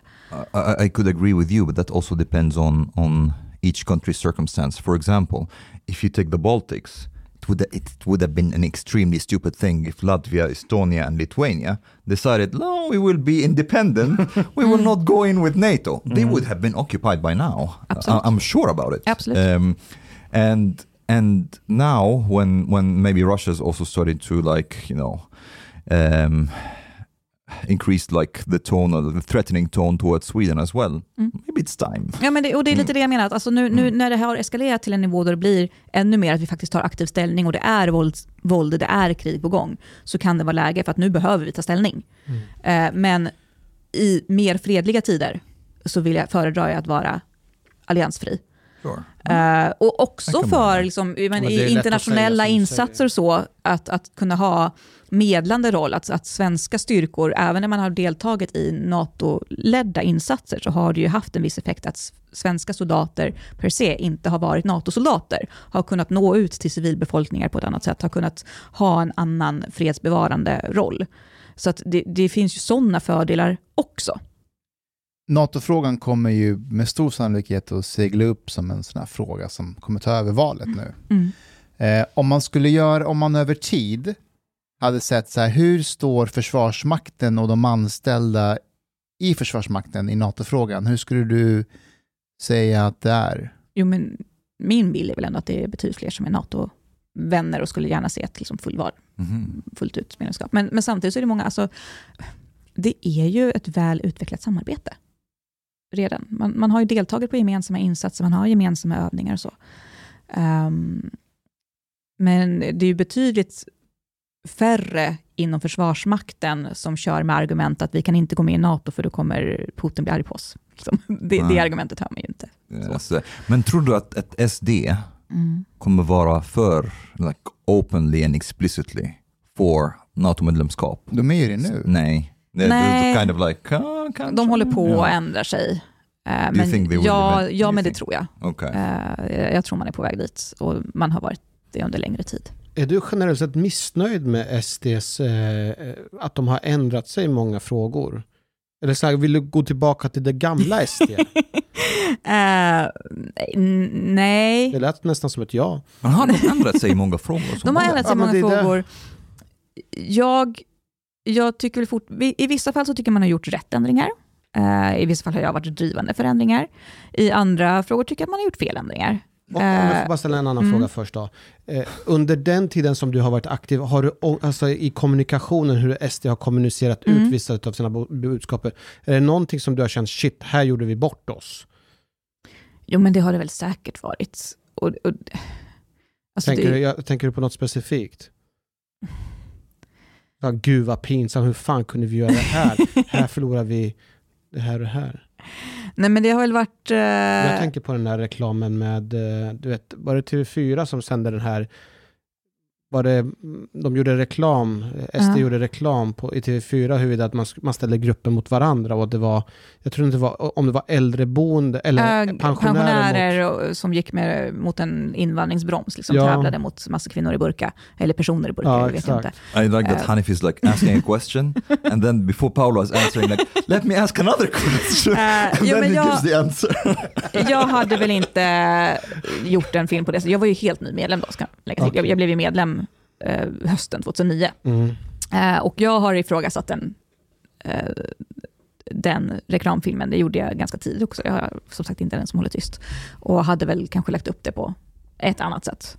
Eh, jag hade väl kanske hellre sett att man, eh, eh, om man ville ha de här D eller D, hade satt invandringsbroms mot liksom, flyktinghjälp i närområdet broms. Så, ehm, för att just prioritera hur, hur ska man hjälpa eh, personer som är i behov av att få trygghet. Eh, och, och en, en Men du har, inte skämts, du har inte skämts för den kommunikationen? Men det har jag väl säkert gjort någon gång. Alltså, så, men, men jag kan ju inte skämmas för den eftersom jag inte var med och tog fram eller så. Nej, men jag tänkte om man Men- men det har- representerar partiet. Nej, men det, det har funnits tillfällen då jag tyckte att det varit svårare än andra, absolut. Och det har också varit en sån sak där jag har bid, som bidragit till att jag inte ville vara kvar. Att det blir väldigt många under lång tid då det dyker fram. Men framför allt så har det ju varit alla idiotiska enskilda nötter som bara har velat använda SD som plattform för sina egna agendor.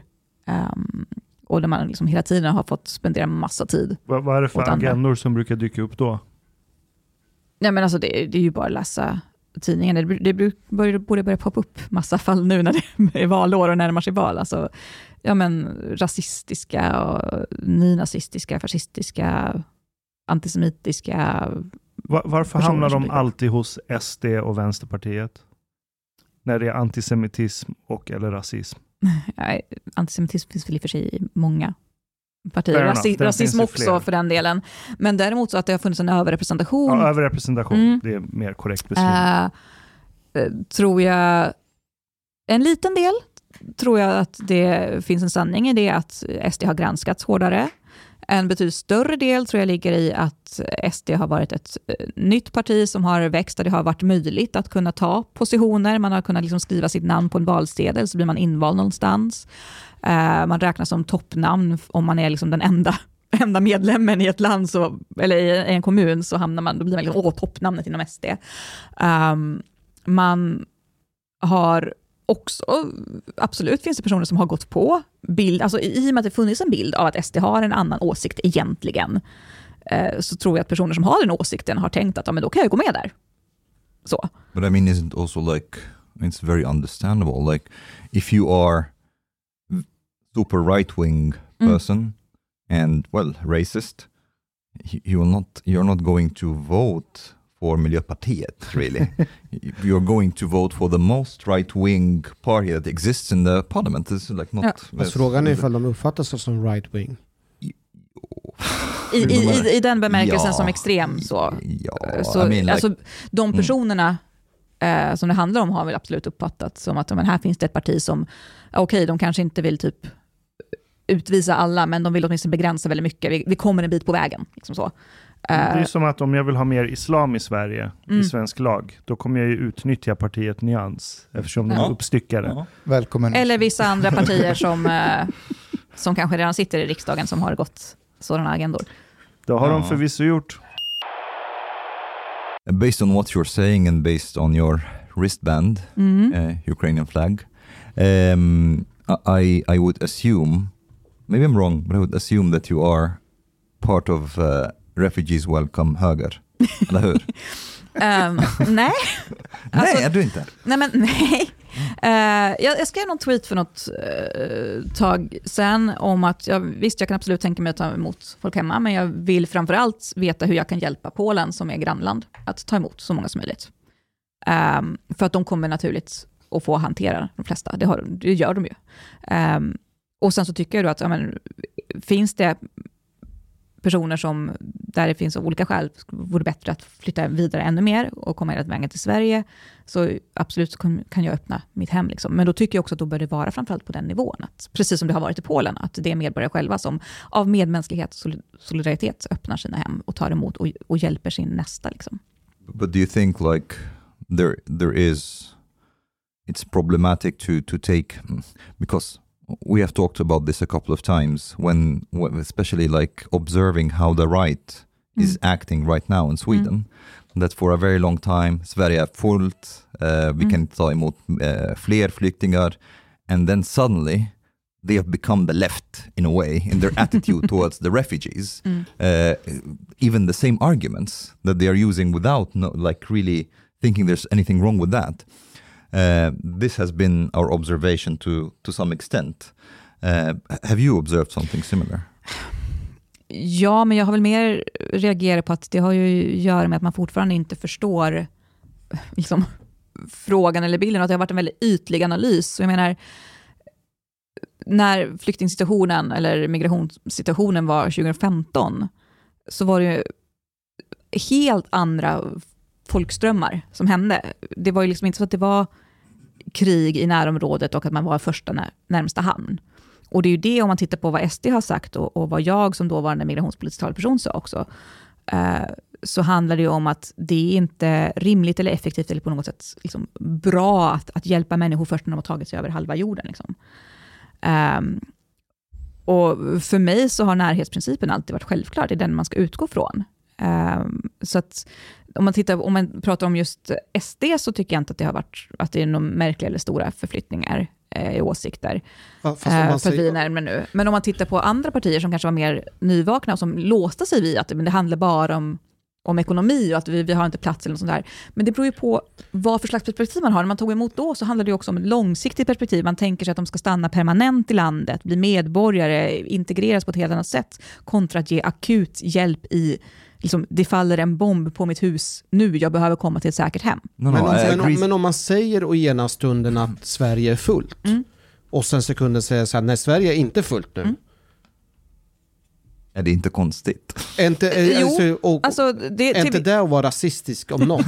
nej, det är det inte. Nasså? Eh, alltså, Nej, Fast å ena sidan så är det ju fullt för eh, flyktingar att komma hit, men nu plötsligt så är det inte det beror ju fullt. på på vad sätt man menar att det är fullt. Hanif Alltså menar man, att, Holmberg. är man, menar man att det är fullt i bemärkelsen att vi har inte platser i skola, vi har inte lägenheter, vi har inte hem, vi kan inte erbjuda jobb till alla så att folk kan få bygga sig ett permanent liv här. Ja, men de utmaningarna kvarstår i så fall om man förväntar sig att, att alla de som kommer från Ukraina nu om fem år ska vara svenska medborgare och införliva det här. Ja, men då kommer vi ha oerhört svårt. Vi kommer ha lite lättare, för det är lite närmare kultur, eller ganska mycket närmare kultur.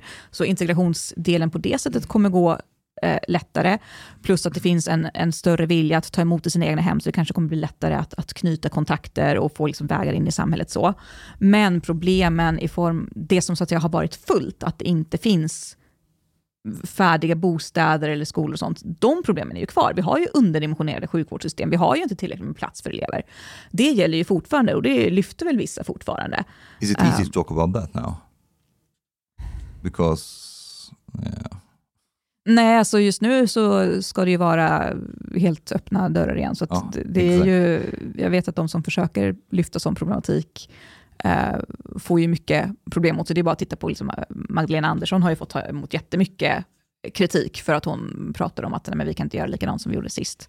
Däremot så tycker jag att det är fel att ha det perspektivet och säga att det är lika fullt nu, för att jag hoppas åtminstone att man inte har den bilden av att de som kommer hit nu, liksom självklart det bästa de kan vilja och det, det de önskar och det som är liksom den självklara planen är att de blir svenska medborgare om fem år. Jag vill att vi ska hjälpa dem att återuppbygga Ukraina och återkomma hem. Jag längtar tills man kan se återföreningsvideos med, med alla de pappor som varit tvungna att stanna kvar i landet och kriga, eh, när de får träffa och ta hem sina partners och barn igen. Men har, har, för jag såg att SDs utrikespolitiska talesperson eh, Aron Emilsson, han har ju sagt ja till att Sverige ska hjälpa många flyktingar Mm. från Ukraina. Mm. Eh, men ja, är det tydligt att det bara gäller temporärt skydd?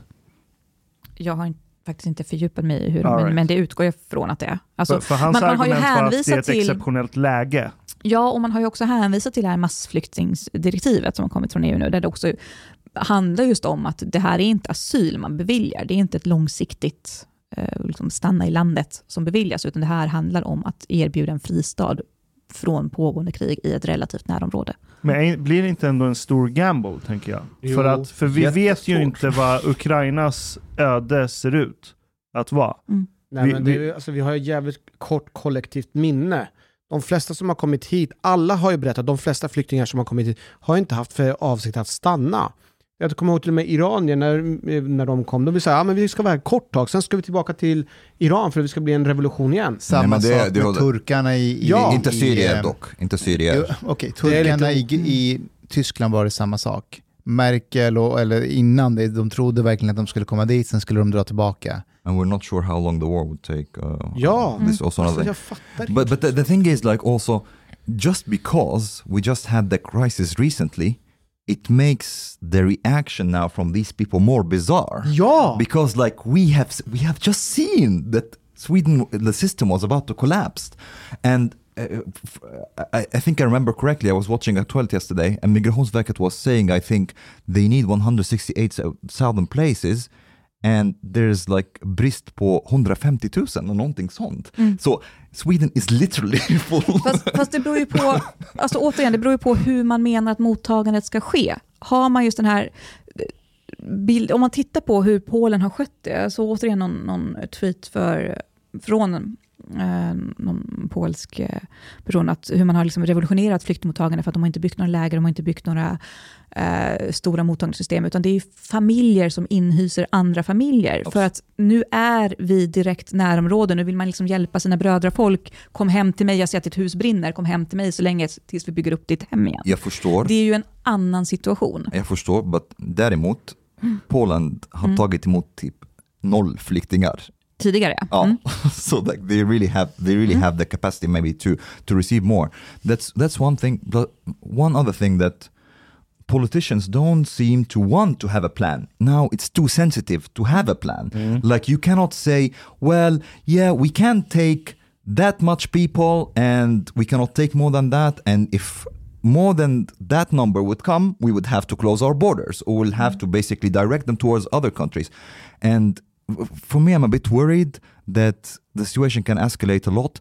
Um, and then we, we just like we could be faced with like I don't know taking in one million people or, or, or something like that and we don't we have zero plan for Jag this. hörde senast idag Anders Ygeman snackade om att ja, men vi kommer inte kunna ha samma höga standard som vi hade sist. Mm. Eh, vi hade, ja, det så här, vad hade vi för standard då? Och nu pratar han om att ja, nu får vi använda gymnastiksalar, lagerlokaler och tält.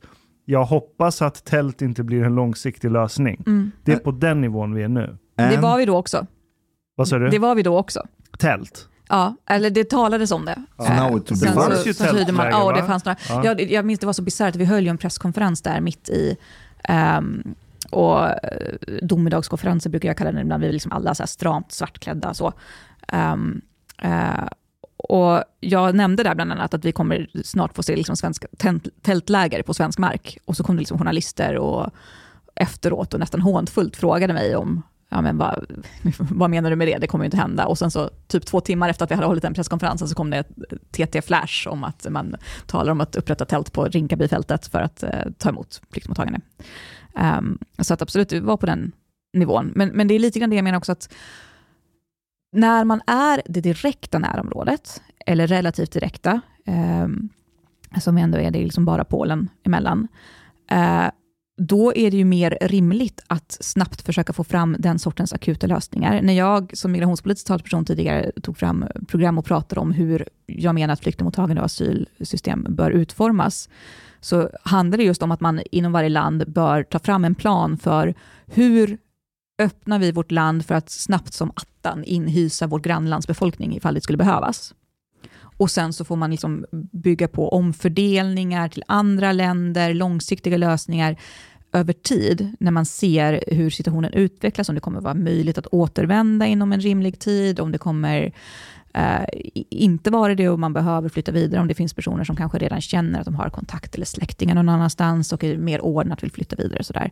Men det är liksom två helt olika sorters migrationsflöden och mottagande system. Och det är det jag och Eh, i alla fall då SD också vände sig emot, är att den flyktingsituation som var 2015, eh, jag vill inte säga att det inte var riktiga flyktingar, för att någon gång så hade man ju flytt, men i det läge när de kom till Sverige då, så var det liksom inte aktiv flykt som pågick, utan då var det ju så här vidare skedet, där man flyttade vidare och övervägde massa andra saker. Och då bör man ju ha en annan standard för mottagande. Då kan man göra andra sorters avvägningar. Vad har vi för plats i våra skolor? Vad har vi för bostäder vi kan erbjuda? Men i ett akut krisläge, då handlar det ju bara om att få någon slags liksom, värme, mat, medicin, tak över huvudet.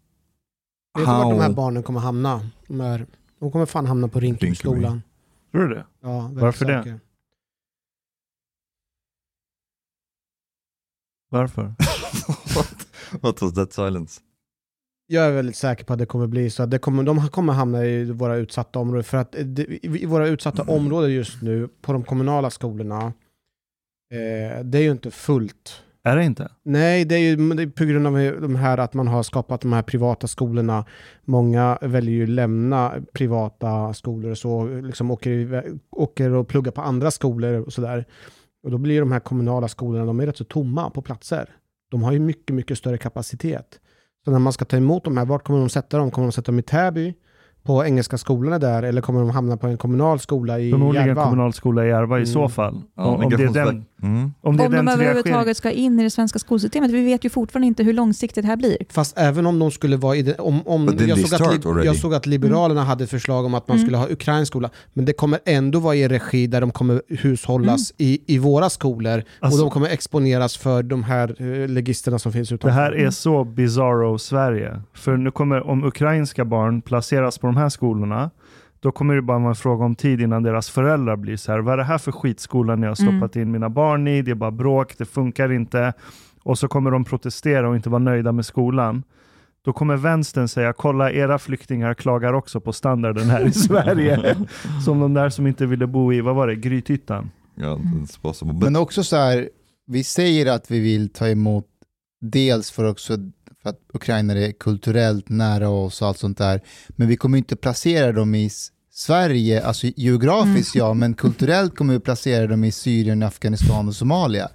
Så vad är det vi vill ha för utbyte från dem egentligen? Ja, men alltså, ja, men jag håller med dig. Och, och det, det, det är ju det jag menar, att det är det som är problemet när vi pratar om att vi ska placera och att det ska vara den här, liksom, det här otroligt svenska byråkratiska, formella liksom, ja, men Migrationsverket som ska sköta allting och den sortens mottagande. Jag tycker inte att det bör vara den sortens mottagande. Jag tycker att det bör handla om just bara få fram snabba platser. Det finns så många som vill öppna sina hem och kan tänka sig att ta emot en familj, eh, en, en eh, mamma med sina barn, eh, något husdjur eller så.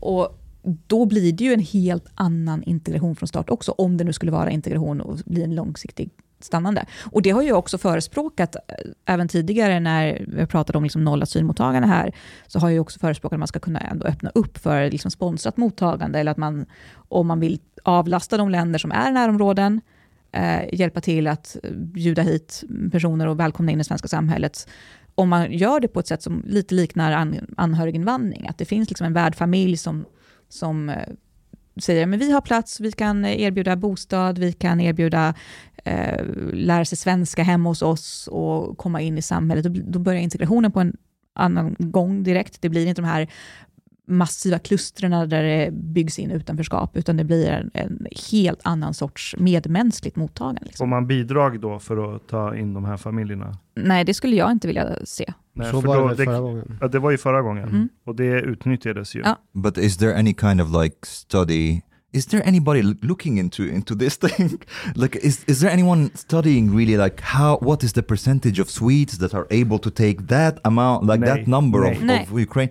What the fuck? But Men, men, ja, men, och, och det, och det, är det, alltså det är så oerhört mycket, det är så många olika plan. Man har inte lärt sig någonting, alls, man har inte gjort någon som helst seriös analys av hur flyktingpolitik bör sk- skötas. Ska du göra comeback i SD och styra upp det här? Nej, inte i, i något parti. Jag, jag skulle mer än gärna titta vidare på frågan och jobba vidare och, och se på olika förslag och jobba med utredningar och sånt där, men inget parti duger. how how high up do you think återvandringsfrågan will be on the agenda because of this? Because it Ah. will be. Yes, uh, jo men absolut. Um, det beror ju, alltså det beror, allting beror ju på hur kriget i Ukraina utvecklas, hur långdraget det blir, vad som händer. It continues a Men- bit more. Ja, men, jag, men det kommer ju absolut vara en fortsatt diskussion och just om att man ska göra plats, liksom, riktiga flyktingar som flyr här och nu, den diskussionen, eh, kontra de som kom som ekonomiska migranter. Eh, varför ska de ha rätt att vara här och få liksom, bidrag och vara inne i vårt system, medan vi har personer som bokstavligt talat har flytt för sina liv just, just här och nyss. Liksom.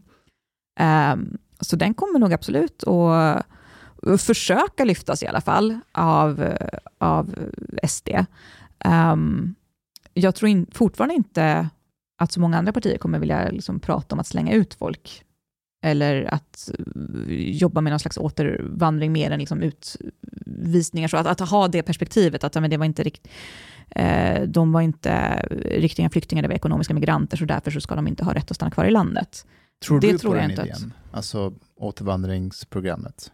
Alltså, jag har ju inte pratat om ett det beror på vad man menar, återigen, återvandringsprogram tror jag inte på. Så. ja, men jag, det här men jag att man tror ska att ge pengar och incitament för att åka tillbaka hem. Kommer jag, att jag tror att man behöver jobba vidare med återvandringspolitik. Jag tror att man också bör vara oerhört noga med skillnad på eh, återvandringspolitik kontra eh, utvisningar, eh, Eh, kontra omprövningar av eh, liksom, rätt att vara kvar i landet. Jag tycker och har alltid tyckt att man bara bör ha eh, temporära eller villkorsbundna eh, uppehållstillstånd.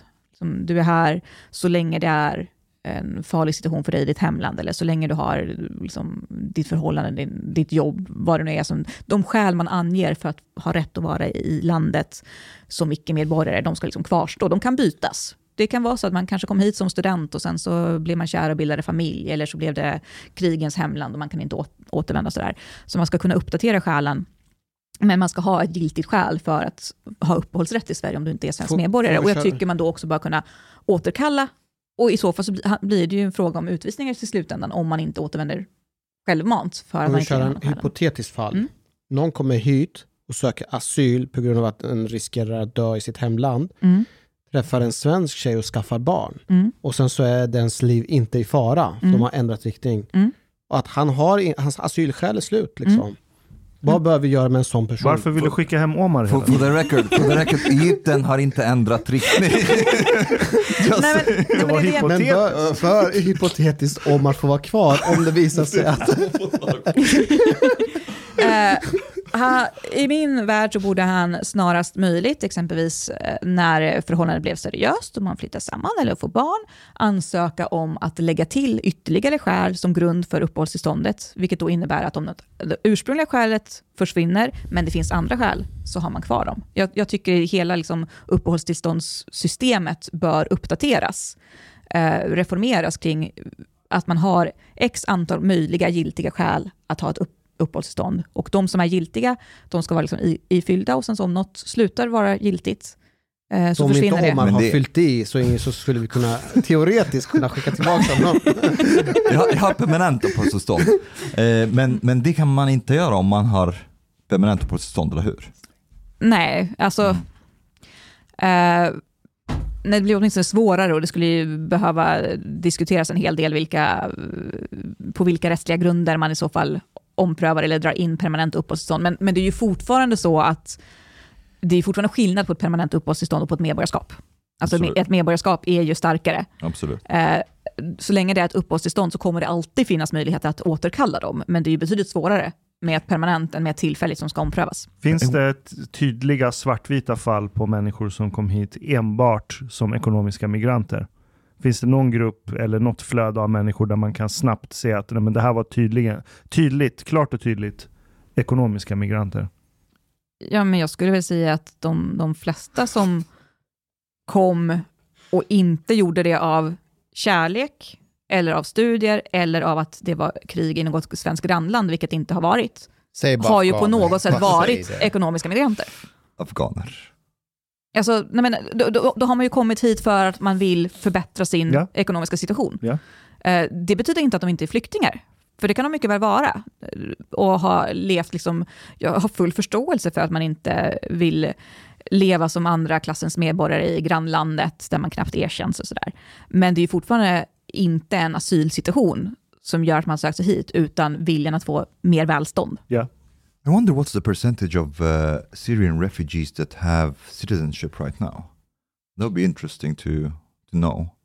Bland de som kom 2015 menar du? Ja, 24, 2014, 2015. Det har ju gått mer än fem år nu, så. Ja, but, uh, Och de fick permanent uppehållstillstånd när de kom? eller ja, de gör det Ja, till en början, början, till, ja, tills precis. eh, lagstiftningen ändrades. Ja. Det var, det var ju det som bland annat orsakade superboomen, att, att man gav man uppdaterade sina eh, riktlinjer så att liksom, kunde du uppvisa syriskt mm, pass eller medborgarskap så blev liksom, fick du permanent direkt utan prövning. Det var en Right. förenklad process. Varför fick man per- permanent? Because they, För Sverige, Va? på Men- grund av Sverige. Men Alltså, varför? varför because the, the argument is that it's, it would be easier to, for you to integrate if you think Mm. that you're mm, staying here permanently Det är basically. vill typ vi att- limbo liksom. mm. Ja. This is the klok. argument at Ja. least. Och att det var krig. Men eh, alltså jag... Ja. Vad? Nej men jag tänker så här, det är klart att... Nej men jag, jag, jag, jag blir trött på den här frågan. det jag inte förstår det är att vi ska lämna... men å ena sidan, Okay. eh, vi ska ställa upp för att det är krig och vi ska hjälpa och ge skydd här och nu. För att sen när det inte blir krig så ska man få åka, återvända hem. Så jag förstår inte principen varför det skulle vara permanent. Nej, men jag, Allting är bara tillfälligt. Sen 2015 till idag, så har, eller från mellan 2015 och 2020, så har 64 000 syriska medborgare 69 000 syriska medborgare fått svenskt medborgarskap. Mm. Det är rätt många. Hur många? 69 000. From what, what, the, 2015 till 2020. what about 2014?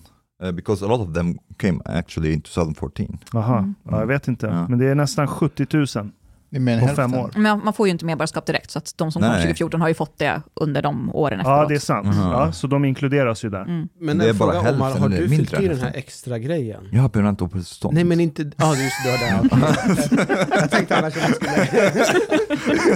I'm not sure why you want to deport me, but okay.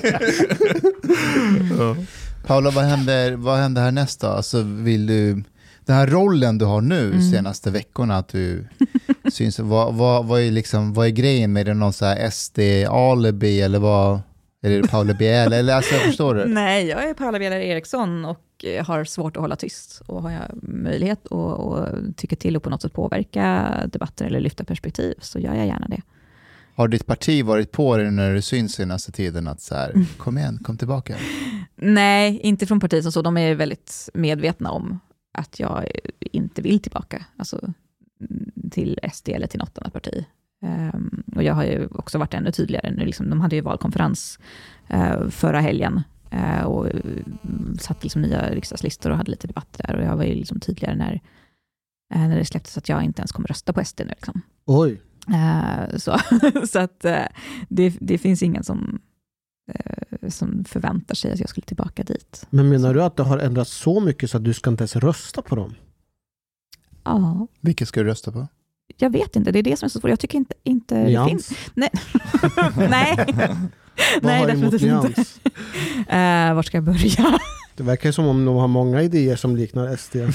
Eh, nej, det skulle jag Konservativa kanske inte säga. Nej, men alltså, helt ärligt så är jag otroligt besviken på utbudet överlag. Mm. Alltså det, det finns inget parti som jag vill rösta på. Det, det finns personer i flera partier som jag skulle kunna tänka mig kryssa.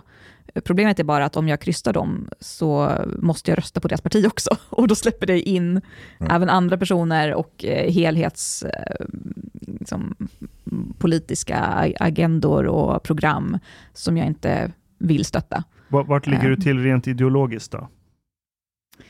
Ja, men jag är socialkonservativ någonstans. Eh, Och Kristdemokraterna skulle kunna vara ett alternativ. eh, men, ja, men det finns kristdemokrater, men kristdemokraterna, ja, det tror jag inte. Och på samma sätt som det finns eh, liksom enskilda sverigedemokrater, absolut. Jag har ju många där som jag fortfarande har stort förtroende för och, och som också dessutom är vänner. Men partiet som sådan, som helhet, den utveckling man liksom går och gör, känner jag inte längre representerar mig tillräckligt mycket för att få min röst.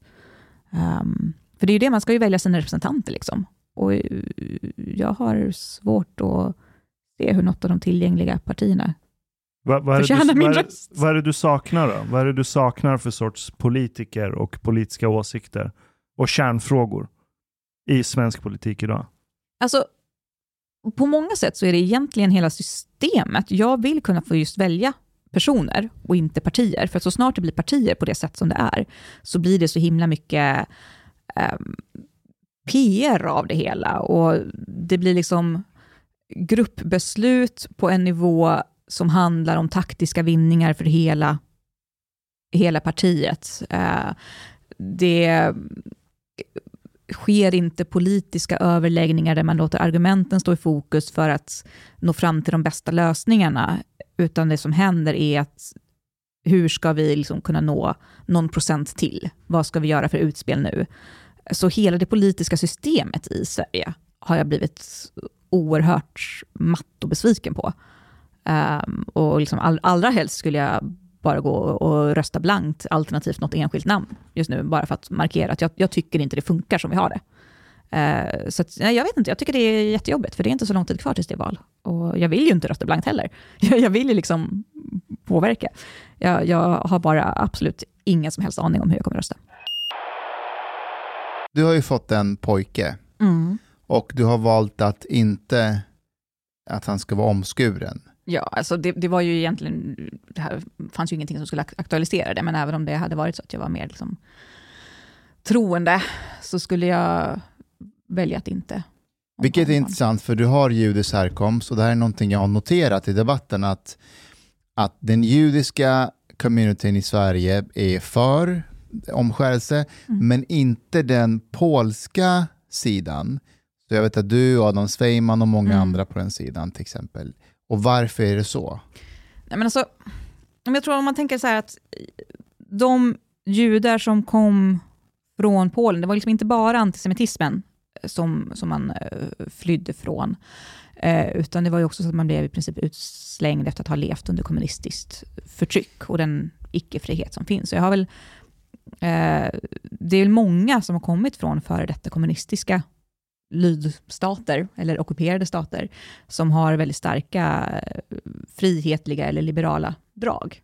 Och då blir ju också den liksom personliga integriteten och medvetenheten om att varje liksom barn ska få välja sin, eh, sin identitet, sina ingrepp själv. And their own Starka. genitals, Ja. how they look like. Ja, men, ja. Men, men det, är, det är också intressant att ett argument som, som många använder för omskärelse, att det är omöjligt att vara en jude utan att skära i spädbarns penisar.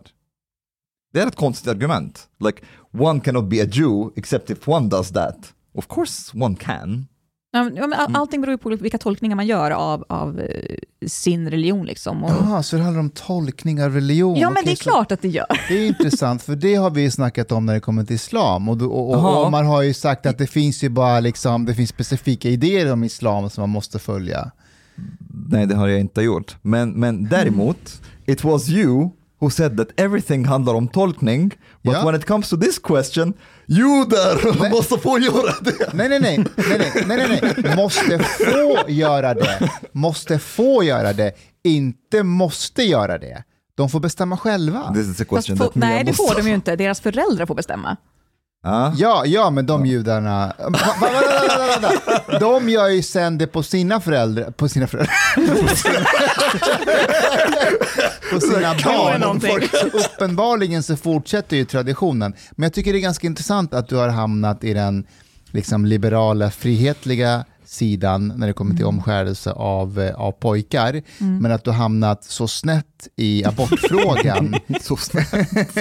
Fast det handlar ju återigen om respekt för varje enskild människoliv. Liksom. Fast många skulle upp, alltså, säga att det är ett väldigt konservativ ställning du har hamnat i när det kommer till abortfrågan. Mm. Men, du säger, men du menar att det är mer utifrån liberalt och frihetlig... Eh, nej, men alltså för, för mig så handlar det om att jag, jag kan in, påstå mig inte kunna avgöra när en individ blir en individ. Men det är också inte väldigt konstruktiv ställning. Hon sa att hon vill att gränsen ska vara 12 veckor. Det är inte Ja, så alltså för alla andra, men hennes, Paulas egna moraliska uppfattning är ju att Mm. den är väldigt konservativ. Ja, but these are, I, I don't, I think it's a false Jag skulle säga att den är naturvetenskaplig. Utifrån just att, att det har påbörjats ett nytt liv. Fast många naturvetenskaper skulle ju, som, som, som Ashkan till exempel, skulle i, har ju inte den ställningen. Tvärtom är de väldigt... Till omskärelse. Nej, nej, nej, till, till abort. Till abort. Vi, vi var i omskärelsefrågan i liksom Ja. två minuter, sen är vi tillbaka vid abort. Hur många naturvetenskaper skulle du säga håller med Paula i den frågan? Men om man definierar abort. att, att Om. In, inte om Ja. abort, men kring definitionen att ett mänskligt liv liksom har påbörjats, att det finns en ny organism som är ett mänskligt liv. Men vänta, det det vad- kan vad man ju inte komma runt. Liksom. Vad gör du här? Det, vi, vi satt för att prata om omskärelse Ja. och sen du kritiserar för abort. Nej, nej, nej, nej, nej. Jag, jag säger bara att... att, Att hon har hamnat snett i Nej, abortfrågan. nej, Nej, men hon jag sa. inte- Jag gjorde det för att provocera lite. Jag tycker att det är väldigt intressant. Jag önskar, att, Intressant, vi vet vad ordet intressant betyder. jag önskar att politik var mer så som du resonerar. För att du, du, du, du kommer in och bara spränger lite omkring dig. För, att, för att jag har aldrig förstått att varför är det som så att om du är intresserad av miljöfrågan i USA så är du per definition också en vapenhatare. Varför då? Vad har de sakerna med varandra att göra? Jag, jag håller ju helt med dig. Och det, Tribalism. det, då kommer man liksom till just det här med att jag inte känner att jag, jag har något parti och jag inte tycker om partipolitiken. Just för att man ska alltid liksom klumpas in i så himla många olika... Det är liksom helheter man ska köpa. Och en av de finaste komplimanger jag fått någon gång eh, var eh, någon som sa att jag är för ideologisk för att ha en ideologi. Just för att jag, jag försöker att resonera liksom fråga för fråga. Eh, jag kan absolut byta åsikter om jag möter argument som jag tycker är bättre. Och jag tycker det är helt idiotiskt att bara för att jag tycker någonting i en viss fråga så ska jag tycka något annat i en annan fråga. Det, det, det är liksom, it makes no sense. You don't strike me as a very ideological person actually. Nej men alltså ideologiskt på det sättet att jag har genomtänkta eh, åsikter som grundar sig i någon slags övertygelse, liksom moralisk, ideologisk, filosofisk övertygelse på det sättet. Men jag har liksom inte en ideologi som jag följer. För att då lämnar jag ifrån mig en, en del av mig själv. Alltså, jag tänker ju. jag, jag, jag, jag köper inte ett koncept, utan jag funderar, jag filosoferar. På tal om att tänka själv och resonera. Alltså Mustafa, du säger att du önskar att det var mer naturvetenskaplig approach kring olika frågor.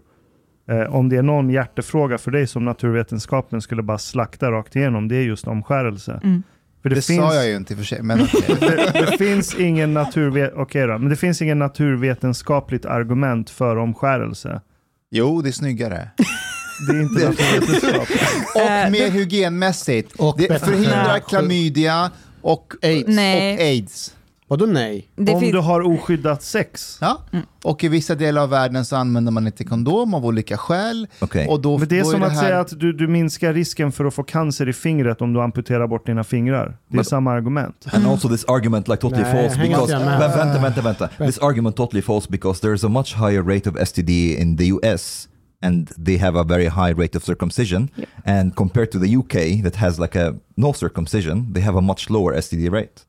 Fast det kan ju bero på kondomanvändning. Yeah, but För USA so- är mer konservativt, religiöst, där kanske kondomer är inte lika kosher. absolut. För jag, jag har faktiskt ändrat min inställning till omskärelse. Remember we had a, we Ja. had an argument one time Vad har about du kommit fram till? Jag är Eh, Jag, där. jag, jag, har inte jag, jag är inte övertygad om att staten ska gå in och förbjuda det än, för att det kan leda till underground-omskärelse. Mm. Ja, eh, men jag tror att jag har varit för adamant i min så här, nej, staten ska inte få bestämma över barnen.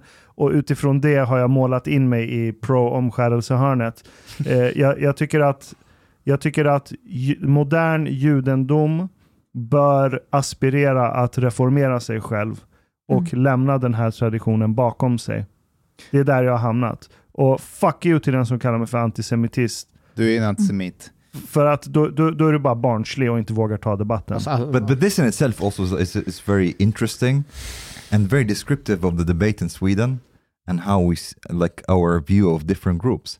Because like you said like everybody brings up the Jews. Like if it was just the Muslims doing that it would- have been banned by now but it's like because of the Jews. Men det är lite intressant, för det är ändå ett argument som jag har hört för varför det ska vara tillåtet, som jag ändå kan sympatisera lite grann med om man ska se till hur snabbt man ska nå resultat. Att det faktum att det finns eh, de eller vi som vill förbjuda och att man driver liksom frågeställningen från det sättet gör att det blir som en motreaktion, att man då kväser den interna debatten och eh, reformen som skulle kunna ske. Så att det blir någon slags lite grann, ja men ni ska inte komma här och bestämma åt oss, så därför så gör vi det ännu mer, eller, eller håller fast vid vår tradition för att ni försöker liksom ta den ifrån oss. Um, och det är en intressant aspekt att ha med. Ja, men jag, ty- men jag, tror tycker det är fel. Liksom. Jag tror den är viktig och, jag, och jag, Mm. jag, jag är inte heller för ett förbud mot det. Mm, Eh, för jag tror inte det kommer hjälpa. Eh, och det är fel sätt att approacha religion på tror jag. mm, Utan snarare gå å- åt andra hållet. Och, och få moderna judiska tänkare och teologer att börja försöka reformera just den här aspekten av judendom. Jag tycker fortfarande att, att det väger så tungt så att man bör förbjuda, för att varje individs rätt till sin egen kropp väger liksom tyngre.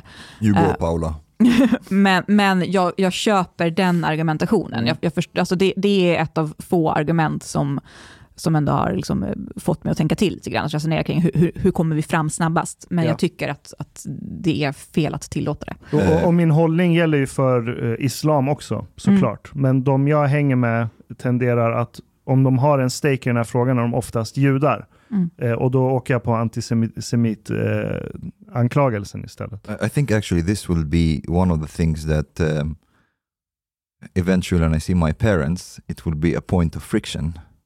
Because now I have a, a boy and uh, of Mm. course I will not do anything to his penis. Uh, but then my parents will think this is something totally strange. Um, De tyckte inte det var konstigt när du brände Koranen. de, jag tror inte de vet om det. I didn't send them the video. It's like, by the way. Det gör jag Paula, jag har en fråga till dig. Mm. Hade du tänkt tanken på att eh, bli partiledare för SD förut? Alltså, jag har ju fått frågan mass, många gånger, så det är klart att jag Internt? tänkt, tänkt.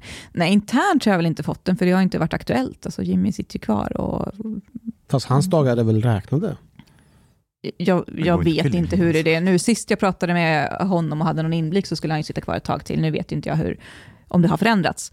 Eh, men så att det har liksom aldrig varit aktuellt internt. Däremot när jag exempelvis kandiderade till ungdomsförbundsordförande så var det ju klart att det var ju en sån faktor som var med i, i beräkningarna. Ska jag tacka ja till att nomineras till ungdomsförbundsordförande så vet man ju om att det ofta är ungdomsförbundsordförande som sen kanske även tar en sån position senare.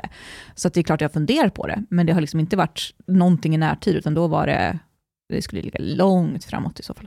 Paula, mell- mellan dig och mig. Mellan dig och mig. Och, alla andra. Nej, det är bara som du och jag lyssnar. här. Hur trött är Jimmy på den rollen? Kom igen. Ehm, vissa delar är han oerhört trött på. Samtidigt så har man ju märkt av, som sagt nu var det ett tag sedan jag träffade honom, men när jag var kvar där sist, det är klart man märkte att han hade ny energi över liksom framgångar, över att det, det händer någonting, över att man börjar förhandla med andra partier, att det kanske blir liksom, eh, regeringssamarbete och sånt. Det är klart att det gör det ju värt på ett annat sätt.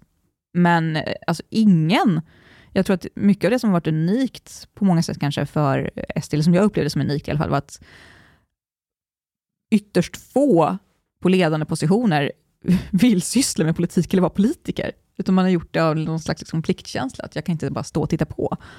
Det har inte varit det här att, åh, jag vill bli politiker. Gud vad lockande, och vilken schysst karriär. Utan man har gjort det trots att man egentligen vill göra något annat. Trots att man mycket hellre skulle liksom jobba med nästan vad som helst och bara ha ett vanligt liv. Eh, Om Jimmy avgår i, Mm. framtiden, eh, vem ser du som en bra person som tar över den rollen? Som du skulle förespråka eller se upp Det till? är ungefär lika svårt att svara på som vilket parti jag kommer rösta på. Okej, om vi säger så här, om vi omformulerar frågan. Mm. Vilken person skulle absolut inte passa bra i rollen?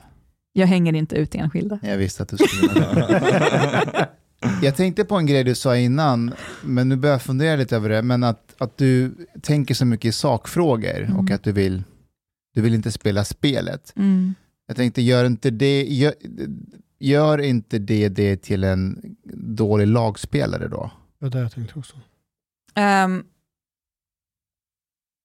det gör mig till en person som inte mår bra av att vara så pass lojal som jag ändå har varit. Alltså jag, jag, jag vet ju hur, hur det politiska spelet är och funkar och jag vet varifrån jag fick liksom mitt förtroende. Jag har haft så pass stor respekt för, för väljarna och för mina kollegor och vänner.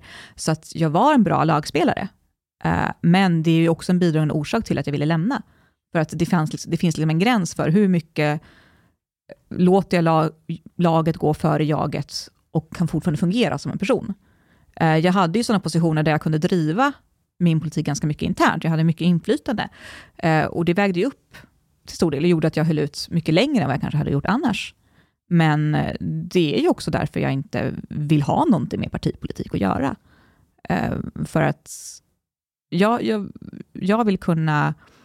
Jag trivs jättebra med många liksom, partikollegor och med vänner och, och diskutera och ha brainstormingmöten och bolla tankar och idéer och utveckla liksom, framåt. Jag tror inte att en ensam person kan nå de bästa lösningarna eller komma fram till alla, alla bra avvägningar. Det, det frodas ju när man får bolla med andra. Men jag tror inte heller det är sunt att hela tiden under lång tid behöva liksom sälja sig själv till att vara en representant för ett helhetskoncept. Men jag tänker om man, om, om fler tänkte som du, Mm. så skulle ju vi till slut inte ha ett alltså, fungerande politiska partier. Alla skulle ju bli som Liberalerna. ja, men, ja, varje, varje liberal är ju en snöflinga. De har sin story och sin, och så är de inte lojala mot liksom, partiet. Men jag har ju alltså gått från att vara förespråkare för, eller åtminstone se partisystem som det mest naturliga, till att vilja ha personval och enmansvalkretsar, att man väljer sina representanter. Jag tror att det skulle bli bättre överläggningar i riksdagen. Jag tror att man skulle kunna få en mer vital och fokuserad eh, debatt. Jag tror att ansvarsutkrävandet skulle kunna bli bättre också. Om du sitter där och ska trycka på en knapp, eh, så är det ju en sak att kunna säga att ja, men de som satt i det utskottet kom fram till att det är den här hållningen vi ska ha, kontra att du själv behöver ta ställning till frågorna. Um, Finns det inte en risk att ett sådant system kommer främja främst människor som är duktiga kommunikatörer än människor som är vassa politiska tänkare? du menar till skillnad från hur det är nu? Jag tänker att partisystemet dämpar det ändå lite för att nu har du stora organisationer du ska utvärdera. Medan här Mm. om du ska hålla på och utvärdera, säg 700 olika politiska kandidater som vill ställa upp istället.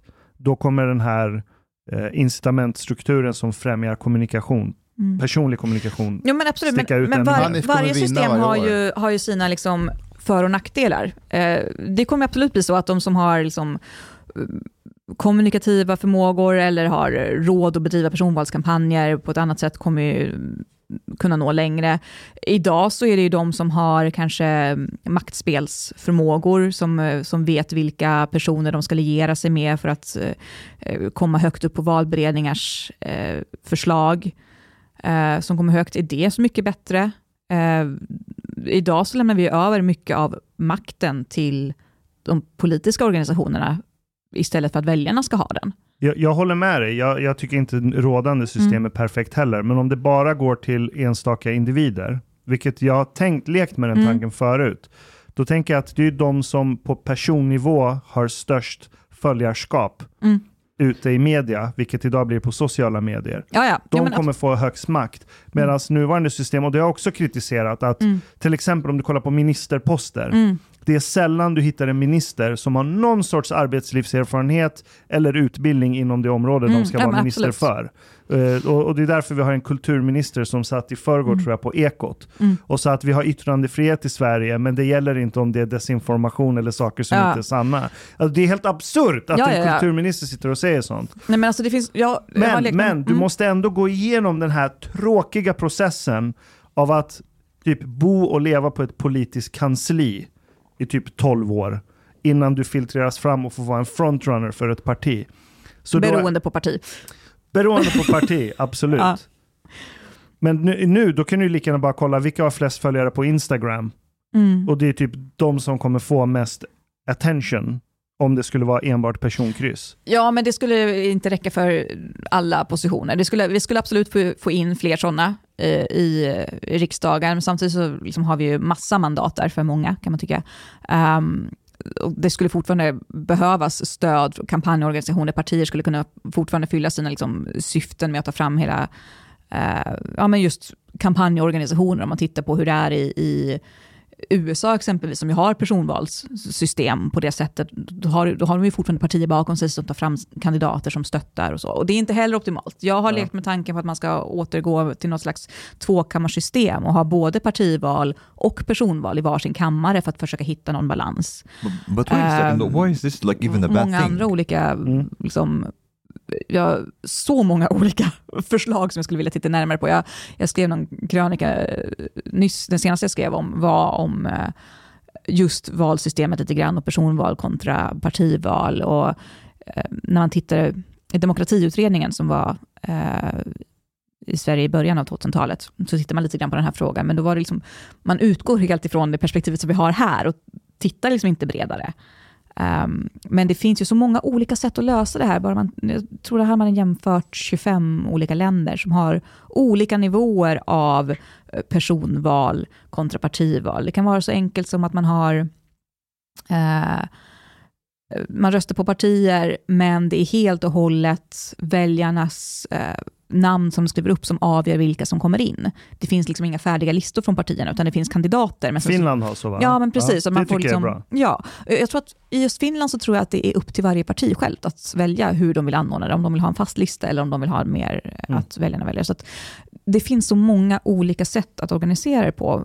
Det jag i grunden vill är att ha ledamöter som har ett faktiskt mandat och som inte sitter där för att vara avlönade PR-personer i fyra år som ska trycka på rätt knapp.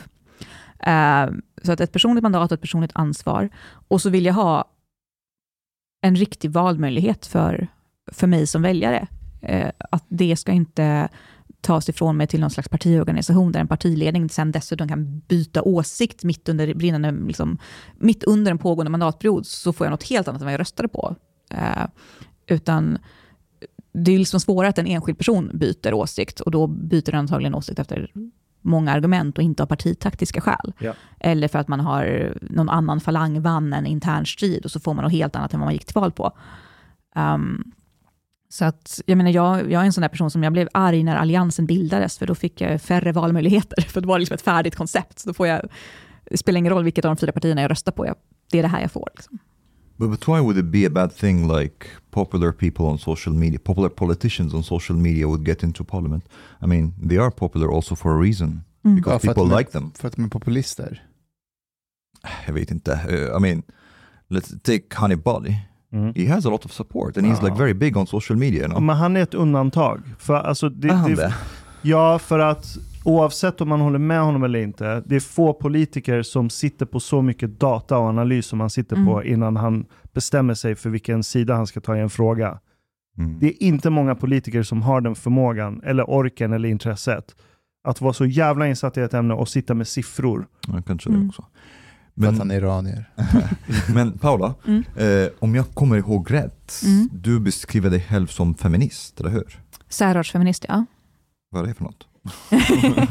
Ehm, och där brukar jag också vara tydlig med att det inte är liksom eh, dåtidens särartsfeminist, utan en liberal särartsfeminist, skulle jag vilja säga. Ehm, eh, skillnaden som jag ser mellan särartsfeminism och likhetsfeminism är att likhetsfeminism som är dominerande utgår från att män och kvinnor i grund och botten är likadana. Eh, och särartsfeminismen ger utrymme för att vi är olika. Ehm, och jag, jag ser liksom att vi har ett samhälle som domineras av många värderingar som anses klassiskt liksom ma- manliga eller patriarkala, om man vill använda det ordet. Eh, Jag tror att det drabbar både kvinnor och män eh, och eh, transpersoner. Kan du ge exempel på värderingar?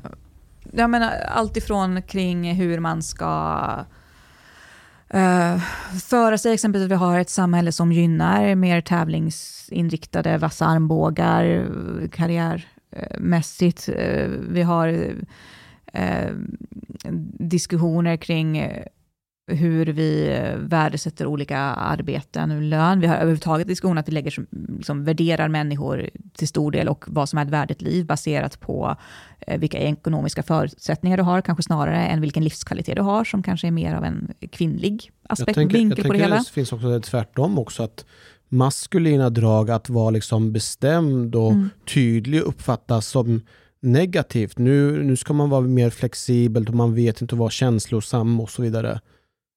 Som jag uppfattar att... Fast det uppfattas ju inte negativt. För om du tittar på till exempel just Mm. politiker och på tal om Mm. personval.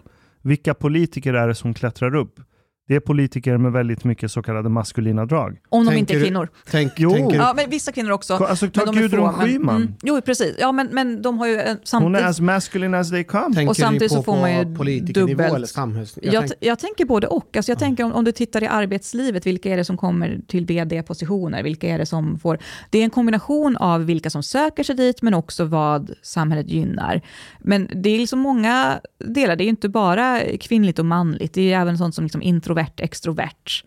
Eh, hur... eh, ja, vad, vad man lyfter fram generellt. Även om man tittar på så här klassiska exempel som att vi har under lång tid varit bra på att eh, lära tjejer att man får vara liksom hur som helst. Och det, det, det är jättebra om tjejer söker sig till life science och tomboy är liksom bra att vara och en pojkflicka är liksom positivt. Men en flickpojke, det är, det har inte samma möjligheter. En, en tjej som vill bli brandman eller spela fotboll är helt accepterat nu, men en, en kille som vill börja dansa ballett har fortfarande antagligen lite svårare än, äh, än många andra. Det finns många saker där det är lättare att... Är det sant? Ja. Jag tänker snarare tvärtom att, eh, att killar som dansar ballett åker, eh, de får ju liksom försprång och väldigt mycket utrymme i, i väldigt många sammanhang. No, I I think, mediasammanhang.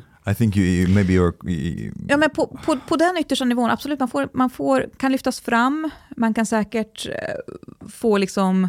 Ja, men, alltså, så här, När man når elitnivå. Bögar generellt sett i, i samhället. Som man per automatik är om man dansar balett.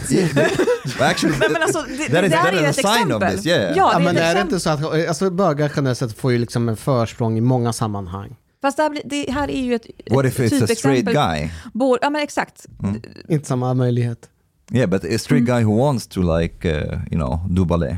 Det, det finns ju fortfarande bilder av att män och killar ska vara på ett visst sätt. Och, det är, ju- och framförallt om man fortfarande är ung så tror jag att det spelar in mycket mer och påverkar hur man, vilka val man vågar göra, vilken, liksom, hur, vilket bemötande man får. Um, because for the most part also like men and women Mm. uh, are different på, på like okay here it's not very usual that a lot of guys would want to dance ballet nej. and, and this this uh, there is a stereotype yes but stereotype for a reason also because most men don't want that uh, Mm. And then it becomes unmanly so Och om man då ska liksom förklara skillnaden mellan särartsfeminism och likhetsfeminism, så för min del, jag har liksom inte målet inställt på att lika många pojkar som flickor ska dansa ballett. Däremot så är mitt mål att oavsett om du är pojke eller flicka eller någonting annat, så ska du få dansa ballett om du vill det. Och du ska liksom få alla möjligheter till att göra det. Eh, sen så, jag kommer liksom inte rikta in mig på hur fördelningen är, för att jag tror att det finns skilda fördelningar.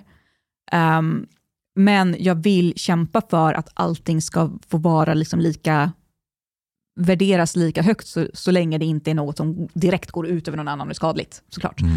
Men, men att sånt som borde vara eh, likvärdigt, som bara handlar om vad man väljer, om, om man vill...